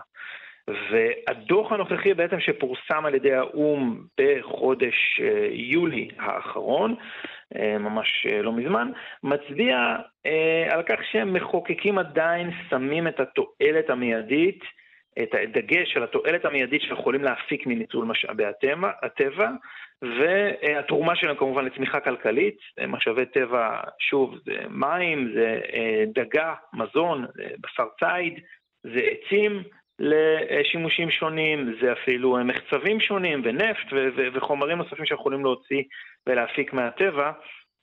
אה, ובסוף, בעצם כשאנחנו כשמקבלי ההחלטות נסמכים על, על, על, רק על האלמנטים האלה, אז ההחלטות מתקיימות על סמך מדדים מאוד פשטניים, ו, ואין פה בעצם ערכים נוספים שיש לטבע, ערכים שהם מגיעים יותר מתחום מדעי החברה, ערכים רוחניים, פילוסופיים, תרבותיים. אה, ואפילו גם אה, שמתחברים לבריאות ול, ולתחומים נוספים. לא, תראה, אין ספק שכשכולנו נצלה אז יהיה פחות אה, חשוב עד כמה, איזה שירה יפה אנחנו כותבים על רשרוש העלים, אלא יהיה ברור שהערכים, ערכי התועלת, הם יהיו יותר מובהקים. השאלה היא, אני לא יודעת, אני לא רוצה פה להישמע כמי שתומכת חלילה ברודנות. אה, או באיזושהי טוטליטריות, אבל יכול להיות שהסיבה שהם מנהיגים אה, נוהגים כל הזמן לשים דגש על תועלת מיידית, היא בגלל שמנהיגים נוטים להתחלף, הם נאלצים כל הזמן להיאבק על מקומם בפוליטיקה. יכול מאוד להיות שזה קשור גם לזה, אבל זה קשור גם אולי לסבלנות, לחוסר הסבלנות שלנו אה, ולרצון לרצון שלנו בתרבות המערבית לראות אה, תוצאות מיידיות לכל דבר ופחות להתרכז בתהליכים, יותר להתרכז בתוצאות אה, מהירות, מה שנקרא. אה, יש לזה כנראה הרבה סיבות, אבל הדוח בעצם מדבר על ארבע גישות, ארבע גישות שאפשר להסתכל עליהן, על הטבע, אה, גישת חיים מהטבע שמדברת בעצם על, ה, ממש על החומרים שאנחנו מפיקים, או המזון או המים, אה, גישה מאוד אנתרופוצנטרית, אבל גם על, וזו גישה שנמצאת בשימוש של מחוקקים היום, אבל גם על גישת חיים בטבע, בעצם אה, גישה שמדגישה את החשיבות של תחושת השייכות שלנו לטבע, זיקה תרבותית אליו, תועלת בריאותית שאנחנו גם מקבלים מהחשיפה לטבע, מהשהות בטבע. אבל זה, הדוח מבקש לכמת או למדוד גם את הדברים האלו ולהכניס אותם במערך השקלולים? אז כן, אז אה, הדוח אה, בעצם אה, מבקש גם להכניס את, ה, את האלמנטים האלה, אם זה אלמנטים בריאותיים זה יחסית יותר קל לכמת אותם, אבל גם ערכים נוספים שיותר קשה, למשל, יש פה גישה שמדברת על חיים לצד הטבע, ובעצם אה, מדגישה את החשיבות שבני אדם נותנים למגוון האקולוגי ונותנים, לה, אה, לה, אם זה לדוגמה נחל, אז לנחל ולערך שלו עבור היצורים שחיים בו. יש גישה עוד יותר מתקדמת שמדברת על חיים כחלק מהטבע, שהאדם הוא בעצם חלק מהטבע ברמה הפיזית, המנטלית, הרוחנית, ומאוד קשה להעריך אה, כלכלית את הגישות האלה. למשל, אה, אם אנחנו לוקחים אה, פארקים או שמורות טבע, אנחנו יודעים כמה מבקרים מגיעים אליהם, אנחנו יכולים אולי להעריך על סמך מספר המבקרים ועל סמך התחושות שמבקרים למשל ימלאו בשאלונים, עד כמה לדעתם החוויה הייתה מעוררת השראה, עד כמה זה השפיע עליהם, לאורך כמה זמן זה השפיע עליהם. אה, יש מחקרים אה, שקשורים לפסיכולוגיה חברתית, שעוסקים בהשתאות אל מול הטבע, בעצם עד כמה החשיפה הזאת לטבע תורמת אחר כך להתנהגות חברתית חיובית, והתנהגות חברתית חיובית יכול להיות לה ערך אם היא מחליפה התנהגות שלילית, יכול להיות לה mm-hmm. ערך. אם זה בזריקה של פסולת, אם זה אולי באלימות, אם זה אה, אפילו בשיעורי פשיעה, שאנחנו יודעים שמרחבים ירוקים בסביבה העירונית אה, נקשרים גם להפחתה אה, הפחתה בסוגים שונים של פשיעה.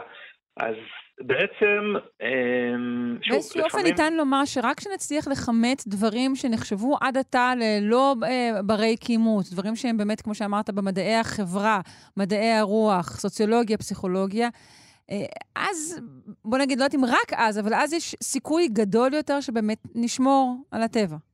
מצד אחד כן, אבל מצד שני נכנס פה עוד אלמנט, והאלמנט הזה הוא טכנולוגיות וחומרים שאנחנו יכולים להפיק מהטבע, אה, שהם לא חומרים זמינים, זאת אומרת, זה פוטנציאל. פוטנציאל, למשל, אם ניקח ספוגים בים, יש, מפיקים הרבה מאוד חומרים, מחלקם הצליחו להפיק אפילו תרופות uh, כנגד סרטן, אבל יש הרבה מאוד חומרי טבע אצל ספוגים בים ואצל בעלי חיים אחרים בים, שאנחנו עוד לא יודעים, לא מכירים ולא גילינו בכלל. זאת אומרת, יש פוטנציאל, גם פה זה שוב לטובת האדם, כן, אבל זה פוטנציאל כלכלי אדיר שעוד לא השתמשנו בו, אנחנו לא יודעים אפילו אם הוא קיים, ואם אנחנו משמידים מערכת אקולוגית כזו או אחרת, למשל איזו דליפת נפט גדולה אה, על אזור שיש בו הרבה מאוד ספוגים כאלה, אז באמת, בעצם אולי איבדנו בעצם את הסיכוי אפילו לגלות את החומרים שאנחנו לא יודעים להעריך עדיין אפילו את הערך הכלכלי העתידי mm, שלהם. אז אתה מצביע פה אולי על אפשרות של, של אה, אה, כימות רווח פוטנציאלי עתידי. אפילו, כן, כן. וגם, אם, אם את זוכרת, באולימפיאדת בייג'ין ב-2008, אז מייקל פלפס לבש איזשהו בגד ים טכנולוגיית עור כריש זה נקרא, אחר כך אסרו את השימוש בבגדי הים האלה, אבל בעצם... אה, אסרו בגלל שהם נתנו, מה שנתנו לו יתרון אדיר, לכן זה נאסר. כן, נכון, העתיקו איזשהו, זה בעצם ביומי להעתיק מנגנונים, פעילות, אה, אה, צורות תנועה וכל מיני מנגנונים שקיימים בטבע, ולהפוך אותם למוצרים בסופו של דבר יעילים יותר כשאנחנו משתמשים בסוף בחוכמה של הטבע. אז גם פה, אם אנחנו הורסים את המערכת האקולוגית, הורסים את הסביבה, אנחנו כנראה לא נגלה את מה שיכולנו לגלות בעתיד אה, בעוד מחקר ובעוד אה, אה, אה, ניסיונות אה, למצוא עוד אה, אה, כל מיני, גם חומרים וגם אה, אה, טכניקות וטכנולוגיות ש... יכולות לשרת כן. אותנו, ואולי אפילו גם את הטבע, אה, טוב יותר בסופו של לא דבר. לו הייתי משפטנית, הסעיף הזה היה נשמע לי מעט ספקולטיבי, אה, תועלת עתידית אפשרית, אבל אה, כל השאר נשמע לי בהחלט קביל. נזכיר פה הוא, גם הוא את ה... הוא נשמע קצת ספקולטיבי, אבל, אבל אנחנו, שוב, אנחנו מכירים הרבה מאוד חומרי טבע. שנכנסים לתעשיית התרופות ו, והופכים לתרופות ששוות מיליארדים אחר כך. אז כן.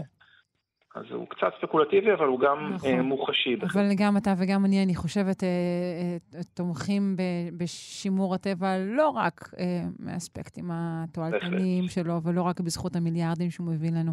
דוקטור עדי לוי, מהאגודה הישראלית לאקולוגיה ולמדעי הסביבה, וראש החטיבה לסביבה וקיימות במכללה האקדמית אחווה, תודה רבה. תודה, והמשך יום נעים.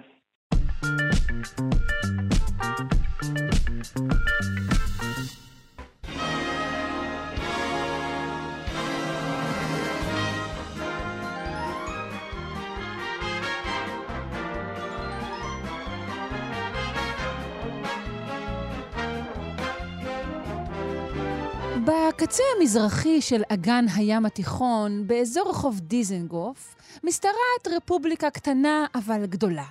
פרטאצ'יה עילית. האקלים של ארץ זו הוא סובטרופי מאוד, הלחות והמיסים גבוהים בה במיוחד, על כן נוצר במקום סוג חדש של אוכלוסייה בעלת אורח מחשבה גליצו-אוריינטלי מובהק. הרי הוא שבט הפרטאצ'ים המפורסם. את הפרטאצ'י הממוצע אפשר לזהות על פי סגולתו, שבשלוש וחצי הוא צריך להיות בחיפה. נוסף לכך, הוא מאחר. זאת אומרת, הוא איננו מאחר. הוא לא בא.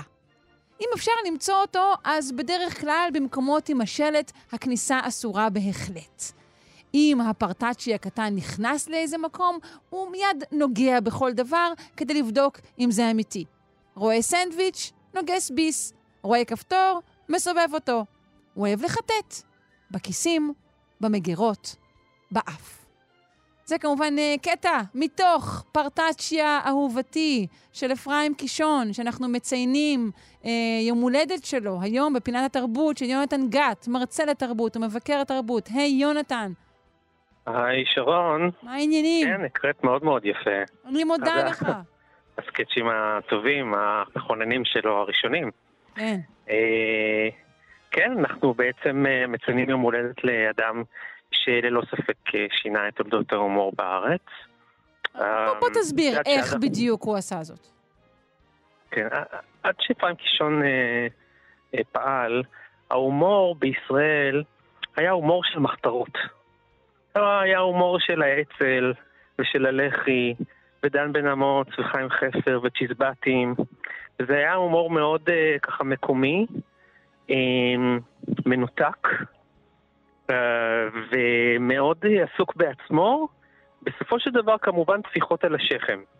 כלומר, אה, זה הומור זה לא כזה של נשמע לי אנחנו מצחיק כל ניצחנו. ו- כך. כן. אכן כך. וכשפרנק קישון הגיע לארץ והתחיל לפרסם את ההומורסקות שלו, הוא הציג תזה אחרת לגמרי. הוא בעצם קרע את המסכה מעל העבריות, אם אפשר לומר ככה. העבריות שלכאורה מציגה את הישראלי ככזה שהוא אה, נכון לכל מאמץ, והוא הישראלי היפה, ותמיד מטה שכם, ואחד בשביל כולם, וכולם בשביל אחד. בקיצור, העבריות רוצה להציג את הישראלי ככזה שהולך בשדות, כן. ההוא שהלך בשדות. מהמם. אצל אפרים קישון הישראלי הולך לתור לפקיד השומה במס הכנסה. כן, כמו שקראנו. פה, הוא- הוא עצלן, הוא מאחר, הוא מחטט. אז הוא עשה את זה גם בשני טקטים. אחד, זה הוא הציג את הישראלי אה, כ... אה, את הצדדים הפחות יפים של הישראלי. לא רק הישראלי עם הבלורית והתואר, אלא הישראלי הקומבינטור, המאכר, זה שמעגל פינות. את יודעת, אה, פעם קישון היה מספר שבכל רהיט הרי יש שלושה חורים בשביל להכניס שלושה ברגים, שולחן, כיסא, מיטה, יש... בפינות יש אה, צירים שצריך להכניס שלושה ברגים לשלושה חורים, הישראלי אף פעם לא מכניס שלושה ברגים, הוא מכניס שניים או אחד. ואז במפעל בבאר שבע, פתאום מצאו מישהי ששמה שלושה ברגים בשלושת החורים, מיד עצרו אותה, היא התגלתה כמרגלת תעשייתית. אז uh, הוא מציג את, ה... את הישראלי המאכר, ויש עוד דבר אחד. מאחר, רק הקומבינטור, המחפף. כן, המחפף, זה שמעגל פינות, הג'ינג'י ששכח את המפתח, האינסטלטור שמרמה אותך, החשמלאי שלא מגיע אף פעם וכדומה. ומצד שני, אה, מדינה קטנה בתוך הסתדרות גדולה. כלומר, הישראלי ייבא לישראל, זאת אומרת, העולים ממזרח אירופה ייבאו לישראל את, ה, אה, את הרטוריקה של המליצה הפקידותית. שבאה ממזרח אירופה עם ההשפעות הסובייטיות, הבולשיביקיות כמובן. ואז את אומרת, זה לא שהישראלי הוא, בואי נגיד, אה, מעמיס אה, ערימות חציר ומייבש ביצות, כמו שלימדו אותנו, אלא הוא יותר אה, מעדיף אמ, שתגישי לו את זה בשלושה עותקים. שני כן. הדברים האלה. כן. הוא גם כן... בעצם גרמו לישראלי המקומי לצחוק על עצמו בפעם הראשונה באמת. כי זאת הייתה, זאת הייתה המציאות האמיתית, ולא הסיפורים שמספרים לנו בסיפורי תקומה ועמוד האש. כן. יש להגיד שלמרות כל זה, הוא כן היה פטריוט, הוא אהב את ישראל, הוא רק אמר, מאוד. בואו בוא נסתכל על המקום הזה כמות שהוא. אז תשימי לב למנגנון הערמומי שלו. כי הוא אומר, בדברים הגדולים ניצחנו. כי היה לו גם ספר כזה, של- סליחה שניצחנו. בדברים הגדולים ניצחנו, את, הסור, את השואה שרדנו, את המדינה הקמנו, את הערבים ניצחנו. אבל מה לגבי הבוילר? זו זו אבל השאלה. הבוילר וה, והשפכטל וה, והחשמלטור וזה, בזה אנחנו מפסידים. וזאת הדרך של הקהל הייתה להודות לו, שהוא בעצם מזיז אותנו מעולמות של מלחמות אל עולמות של בורגנות אירופאית, זעיר בורגנות, אה, שמתעסק עם שטויות. זה- הומור אורבני, אה, אפשר להגיד הומור. אורבני מאוד. מהמם. מזרח אירופאי מאוד, הוא כאילו גם הביא לפה את אירופה בכלל, המדינה הים תיכונית הזאת. והקהל הודה לו שהוא בעצם עוזר לו להתגבר על המעבר שבין השלב ההירואי של המדינה לשלב הפוסט-הירואי. את יודעת שיש דבר כזה דיכאון אחרי לידה. אנשים שואל- שואלים, איך זה יכול להיות דיכאון אחרי לידה? לידה זה הדבר הכי נפלא בעולם. יש דיכאון אחרי לידה, כי אחרי קליימקס מגיע anti-climax, ואחרי שמקימים את מדינת ישראל, יש מה לעשות גם anti-climax.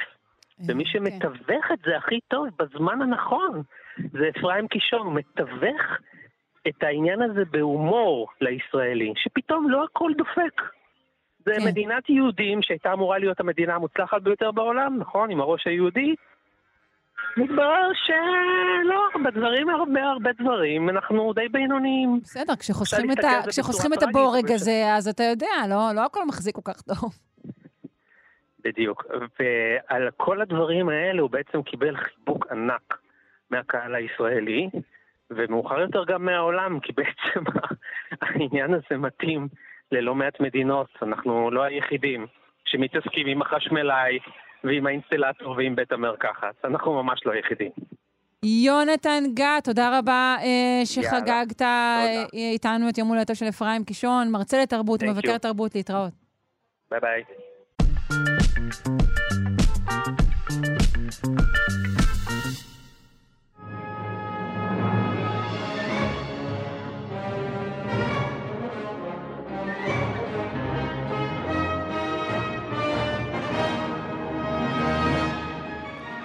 ההיסטוריה המטורפת של העולם עם ערן מנהר, עורך ומגיש ההסכת מנהר הזמן, שמיטיב uh, להביא לנו את ההיסטוריה דרך החור שבדלי. ולא סתם uh, בחרתי את הביטוי המשובש הזה בהקשר זה, נכון? נכון מאוד, מה העניינים? בסדר, שלומך. בסדר גמור. Uh, את יודעת מה, מה פירוש המונח קזוס בלי, נכון? כן. בלטינית. עילה למלחמה. כן, כן. אירוע או פעולה אה, שמעוררת או מצדיקה יציאה למלחמה, ומלחמה זה לא עניין כל כך אה, של מה בכך, כי צריך סיבה מספיק טובה נכון. כדי לתת מלחמה. ולפעמים אה, זאת העילה הקטנה, על פי רוב כמובן, יש מהלכים ארוכי טווח שהביאו, אבל כן. בסוף יש את, הדבר הזה. הקטן. כן, כן, אז תראי, בינינו, לא, אין באמת סיבה טובה שבשבילה צריך לצאת למלחמה, כן? לא. אנחנו לא באמת, סיבות לא צריך להמציא. אבל העילה הכי מוזרה שבגינה נלחמו שני צבאות, הייתה דלי, כמו שאמרת, פשוט דלי, bucket. אה, ואנחנו מדברים על איטליה, אה, ואיטליה לא הייתה תמיד מדינה אחת כמו שאנחנו מכירים אותה היום, כמו ארצות הברית, כמו גרמניה, כמו הודו, כמו עוד הרבה מדינות. גם איטליה זאת מדינה שמורכבת מהמון מדינות, שפעם היו מדינות עצמאיות, אחר כך הפכו להיות חבלי ארץ. וגם גרמניה הייתה ערב רב של שבטים ומחוזות mm-hmm. ומדינות. היא הייתה אגב בין הראשונות בעולם לאגד את כולם תחת שלטון מרכזי אחד, וקראו לו האימפריה הרומית הקדושה. אה, בטוח שמעת את המושג הזה. כן, כן, איפשהו מדי פעם ככה מזכירים אותו, אתה יודע. נתקלנו, כן, כן. Holy Roman Empire. ובין שלל המדינות והשבטים של מרכז אירופה, במיוחד בתוך החצי האי האיטלקי, הייתה מדינה אחת ששמרה על העצמאות שלה, והיא שומרת אותה עד היום, קוראים לה הוותיקן. עכשיו, שני הענקים האלה, הוותיקן והאימפריה הרומית הקדושה, מתחרים על השליטה הפוליטית באירופה של ימי הביניים, של כל אירופה. ומדי פעם הם מתנגשים, בעיקר בתחום אה, של ערים בצפון איטליה, כי זה התפר בין שתי האימפריות האלה. ומטבע הדברים, כשמדובר במלחמות, אז התחרות ביניהם גם גולשת הרבה מעבר לפוליטיקה. אה, ואפילו שייקספיר סיפר על המלחמה הזאת בין המשפחות המומצאות אה, מוטגיו וקפולט של רומאו ויוליה. Mm-hmm. ושורש המאבק בין הכס הקדוש והאימפריה הרומית מתחיל עוד במאה ה-11, ב-1075. באמת, זה באחד הקונפליקטים הראשונים בהיסטוריה בין דת ומדינה. אחרי 100-200 שנה, היריבות הזאת מעצבת בעצם את הפוליטיקה המקומית של איטל, איטליה בימי הביניים. אה, שמאוחר יותר, אגב, היה הבסיס שעליו הוקמה ואוחדה איטליה. אבל בימי הביניים שני זרמים עיקריים מחלקים את איטליה. אחד, גואלפים, תזכרי את המילה גואלף. גואלפים, אוקיי. ושניים, גיבלינים. כן? זה נשמע קצת כמו אה. שני עמים כאלה משר הטבעות. כן, שר הטבעות, לגמרי, זה מה שרציתי להגיד. אבל באמת זה שני זרמים שהתחרו ביניהם, כל אחד מטעם מישהו אחר. ושניהם קצוות של שני ענקים, הכס הקדוש, הוותיקן, והאימפריה הרומית הקדושה. בית אה, וולף, מה שנקרא, היה, זה אחד הענפים העתיקים ביותר בעץ של איזו משפחה, משפחת אסטה. הם חיו בלומברדיה במאה התשיעית והעשירית. אה, וולף, אה, הראשון היה הדוכס של בוואריה. והשושלת הזאת שלטה על ערי המדינה שאת מכירה, טוסקנה ופרארה, פרארה ומודנה ורג'ו, כאילו כל המקומות האלה שהיו אז, שאנחנו מכירים אותם כערים אה, מקסימות באיטליה. יעדי חופשה מבחינתנו, כן? כן, כן, אז היה מדינה בפני עצמה, וב-1140 בני המשפחה הזאת, וולף, אה, אה, צרים על אה, ויינסברג, אה, וכשהם יוצאים למתקפה הם משתמשים בשם המשפחה שלהם, וולף כקריאת קרב, את יודעת, הם צועקים את השם שלהם ורצים קדימה. קצת אפשר להבין, אני מהיום משתמש בזה כקריאת קרב. בדיוק. מצד שני, לבית משפחת הוהנשטפן, הייתה קריאת קרב שונה לגמרי. הם צעקו וויבלינגן, זה שם הטירה שלהם, לא של המשפחה. בקיצור, עם הזמן הקריאה הזאת מקבלת דיאלקט איטלקי עד שהפכה לגיבלינו. Mm. אה, ולאט לאט בימים של, בימים הגדולים של פרדריק ברברוסה, שכבש שטחים מאיטליה, התומכים שלו נודעו כגיבלינים. והמגינים הלומברדים נודעו. גואלפים אוקיי. וגיבלינים. בקיצור, הגיבלינים היו אימפריאליים והגואלפים תמכו באפיפיור, והגואלפים גם באו בדרך כלל משפחות סוחרים, עשירות כאלה, והגיבלינים היו איכרים וחקלאים, אז את רואה ככה את זה קצת כזה צפונים. ודרומים, רק לא בהכרח בכיוונים האלה. אוקיי. אה, אה, סוג של, כן, אפשר להגיד. עכשיו, סוף המאה ה-12 היה הזמן שבו הצבא של פרדריק ברברוסה הובס, והוא נאלץ להכיר באוטונומיה של ערי לומברדיה, אבל המאבקים בין הכנסייה אה, והאימפריה הרומית הם ככה גוועים, שוכחים. אה, במקביל לזה, ליבוי היצרים, ההסתה, עשו את שלהם, והפוליטיקה הפנימית באיטליה המשיכה לתדלק את המאבק ואת האיבה הזאת בין שני הצדדים. זאת אומרת, בין שתי האימפריות הגדולות יש איזו רגיעה, אבל בתוך איטליה הרוחות ממשיכות לסעור. אה, Mm, כי עיר מה גדולה שקורה בשולחן הדיונים, לצורך העניין, הוא לא בהכרח מה שקורה בעם. בדיוק. אה, כי הפוליטיקה יש לה אינטרסים אחרים, אה, ככה שאם עיר גדולה הייתה מזוהה עם הגואלפים, אז העיירות והכפרים שמסביב נטו להיות גיבליניות. והקרבות בין הערים השונות היו רבים. נגיד, פירנצה הייתה גואלפית, והיא התעמתה עם סיינה, שהייתה גיבלינית, או פיזה, שנלחמה נגד גנואה ונגד פירנצה. בקיצור, לפעמים היו ערים שלמות שממש הומרו ועברו לתמוך בצד השני בעקבות קרבות כאלה ואחרים, ובמשך 300 שנה המלחמ... המשפחות האלה נלחמו ביניהם, ממש נאבקו. זהו, כשאנחנו אומרים מלחמות, בוא תתאר לי, זה, זה, זה קרבות על בסיס מה? אז זהו, אז יומיומי? נכון, איך זה נעשה? זה, זה צבא, מה זה, חמישה סוסים באים לאיזה עיר? מה קורה באמת? נכון, יש, יש באמת, יש באמת אה, אה, קרבות, ובוא נקרא לזה פעולות איבה, או פעולות אה, טרור. אנחנו מדברים על מאה, מאה, מאה ה-12, 13, 14, אז את תביני שאנחנו מדברים על ימי הביניים ככה, על השיא של ימי כן. הביניים, ואנחנו מדברים על המון מלחמות, אבל רק בעצם קרב אחד של ממש. רק קרב אחד של ממש, שזה הקרב שעליו אנחנו ממש. מדברים. זה הקרב ב-1325 בין בולוניה ומודנה. וגם הוא לא קרב של הם, עשרות אבל ומאות אלפי חיילים, נכון? למשל, אני אגיד לך מה, למשל ב- ביולי של אותה שנה, אז הבולונזים נכנסים למודנה ומחרבים את האזור שנודע כבין שתי התעלות, הם שורפים את כל מה שהיה שם, וחודש אחר כך הם פושטים במשך שבועיים על עוד אדמות בעיר במודנה, ובספטמבר אה, המודנים יוצאים לפעולת תגמול. בקיצור, אז המתח... וואי, זה מתיש. ממש, מתיש, זה 300 שנה כבר נמשך. כן. הסכסוך אז הארוך הזה. חייב להסתיים. ואז משהו קרה בנובמבר, חורף, אה, קבוצה של חיילים תושבי מודנה מתגנבת לבולוניה, והם גונבים דלי שעשוי מעץ, דלי שאת יודעת, מוציאים מים מבאר במרכז העיר, בכיכר המרכזית יש באר, אז הם גונבים את הדלי. למה להם לגנוב דלי, ערן? זה דלי, כן, דלי פשוט, אין לזה ערך היסטורי או סטימנטלי. לא, אבל בטח יש. איזושהי סיבה. אבל עבור, בטח שיש סיבה, עבור התושבים בבולוניה זאת פגיעה, פגיעה בגאווה הלאומית שלהם. אין להם בעיה לייצר דלי, זה כולה דלי, הם מייצרים דליים כל הזמן. אבל ההשפלה הזאת, הב- הבולונים דרשו את הדלי בחזרה, והמודרנים מסרבים. אבל זה היה, כלומר, באותה מידה ניתן היה לקחת משהו אחר, או שהדלי הזה סימן כן, כן, משהו ממש לגבי האופן שבו הם משתמשים במים, או... לא, משהו- ממש ממש לא, זה פשוט פגיעה באגו, פגיעה ב- ב- ב- בגאווה שלהם. אוקיי. וכש- והמודרנים אומרים, אתם לא מקבלים, הדלי שלכם עכשיו שבוי מלחמה, אתם לא מקבלים אותו. עכשיו, ברור לנו שזה עניין מטופש, אפשר לייצר דלי, אבל בבולוניה ה- ה- ה- ה- סערו הרגשות, הם פשוט זעמו. הם אמרו, ככה אין בעיה. הם הכריזו מלחמה על מודרנה, ממש, מל... עכשיו זה רשמי, אנחנו נלחמים. והם גייסו 30 אלף חיילים, חיילים רגלים, ועוד אלפיים פרשים. וב-15 בנובמבר, באמצע החודש, הם צועדים עם כל הכוח המטורף הזה אל שדה הקרב, ממש לא רחוק מהעיר זפולינו של היום, אה, זה באמיליה רומני, ב- בצפון איטליה, והם עומדים על הגבעות שמסביב, ומולם, בשטח, בשטח השדה הקרב, התייצב צבא מהצד השני, לא גדול כמוהם, 5,000 חיילים פרשים, מהמם. אה, מודנים, אה, מפוזרים בשטח מאוד רחב, השמש מתחילה לרדת, הערב יורד, הבולונים מסתכלים לשמיים, מסתכלים על הגבעה, ואז הקרב מתחיל.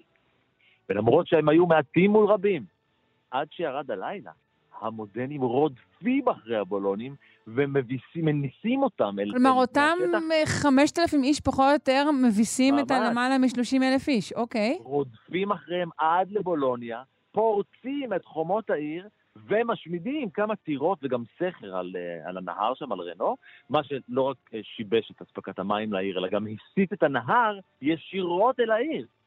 ועכשיו, במקום להטיל מצור על בולוניה, המודנים אמרו, אנחנו נשפיל את המדינה האויבת, וממש מחוץ לשער הם הקימו אירוע ספורט כזה של לועג, כזה מין תחרות אתלטיקה כאילו, לזכר, הם, הם הגדירו את זה לזכר אלה שיצאו במשלחת ולחרפתה הנצחית של בולוניה.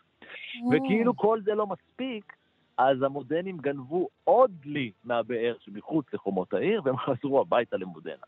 זאת הייתה, כפי שאפשר להבין, מלחמה מטופשת. אז רגע, בולוניה איבדה גם, גם חיילים, היא גם הפסידה ממש בקרב, בהחלט. ואני מניחה שהדלי גם כן לא חזר אליה. הפסידו עוד דלי, כן. עוד דלי אפילו. כן, ואלפיים איש נהרגו, כן? 26 מאצילי העיר, מהמנהיגים, מאצילי, מה זה העיר? מאצילי המדינה, נשבו, נכלאו במשך כמה חודשים, 11 שבועות למען הדיוק. אמ, זה אולי אחד הקרבות המדממים של ימי הביניים, אבל באמת לא הייתה אף תוצאה. כי זה היה באמת חסר שום הישג משמעותי. ההיסטוריה ממש התעלמה מהקרב הזה כמעט לחלוטין. אה, ואחרי המלחמה, הגיבלים עם הכוח שלהם עלה עוד פעם, אה, אבל לא פרצה עוד מלחמה. והמאבקים המשיכו עד 1529. אה, ורק כשהם פחדו כשהספרדים יכבשו את איטליה, אז הצדדים הסכימו על הפסקת אש ועל שלום.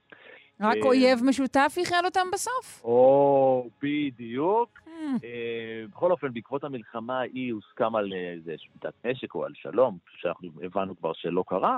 אה, בינואר הסטטוס קוו חזר, כמה טירות שנכבשו חוזרו, החליפו ידיים, כמה פריטים שנלקחו חזרו, אבל הדלי אף פעם לא הוחזר. זאת אומרת, הוא מעולם, מעולם לא הושב לעיר. יש הטוענים שהוא, שהוא מוצג היום בקתדרלת מודנה. יש הטוענים שהוא... שזה הדלי הזה. הוא... הדלי הוחזק עד uh, ממש תחילת המאה ה-20, 1911, במרתף של uh, טורי דה גירלנדינה במודמודנה, uh, והיום כנראה שמוצג בהיכל העירייה סוג של, אני חושב שזה רפליקה, אני לא בטוח שזה הדלי האמיתי. כן, אם הופכים אותו, אז כתוב למטה איפה הוא יוצר, כן. כן, כנראה בסין, אה, יכול להיות. אה, כמו כל דבר. יובא על ידי אה, מישהו מאיזה אפליקציה כזו או אחרת. בקיצור, מלחמות, קזוס בלי אמרנו, אז קזוס דלי אולי. קזוס דלי. ערן מנהר, עורך ומגיש ההסכת מנהר הזמן עם ההיסטוריה המטורפת של העולם. תודה רבה. בוקר טוב. בוקר טוב.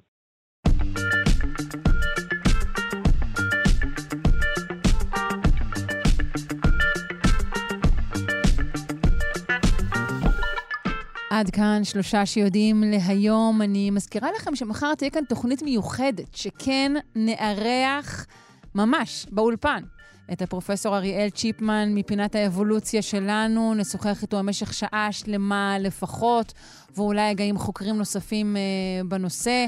אתם עדיין מוזמנים להעביר לנו שאלות לפרופסור צ'יפמן דרך עמוד הפייסבוק שלנו, כאן שלושה שיודעים. עורכת אלכס לויקר, על ההפקה תמר בנימין וטל ניסן, על הביצוע הטכנית אמיר צוברי, אני שרון קנטור, מקווה מאוד לפגוש אתכם גם מחר. להתראות.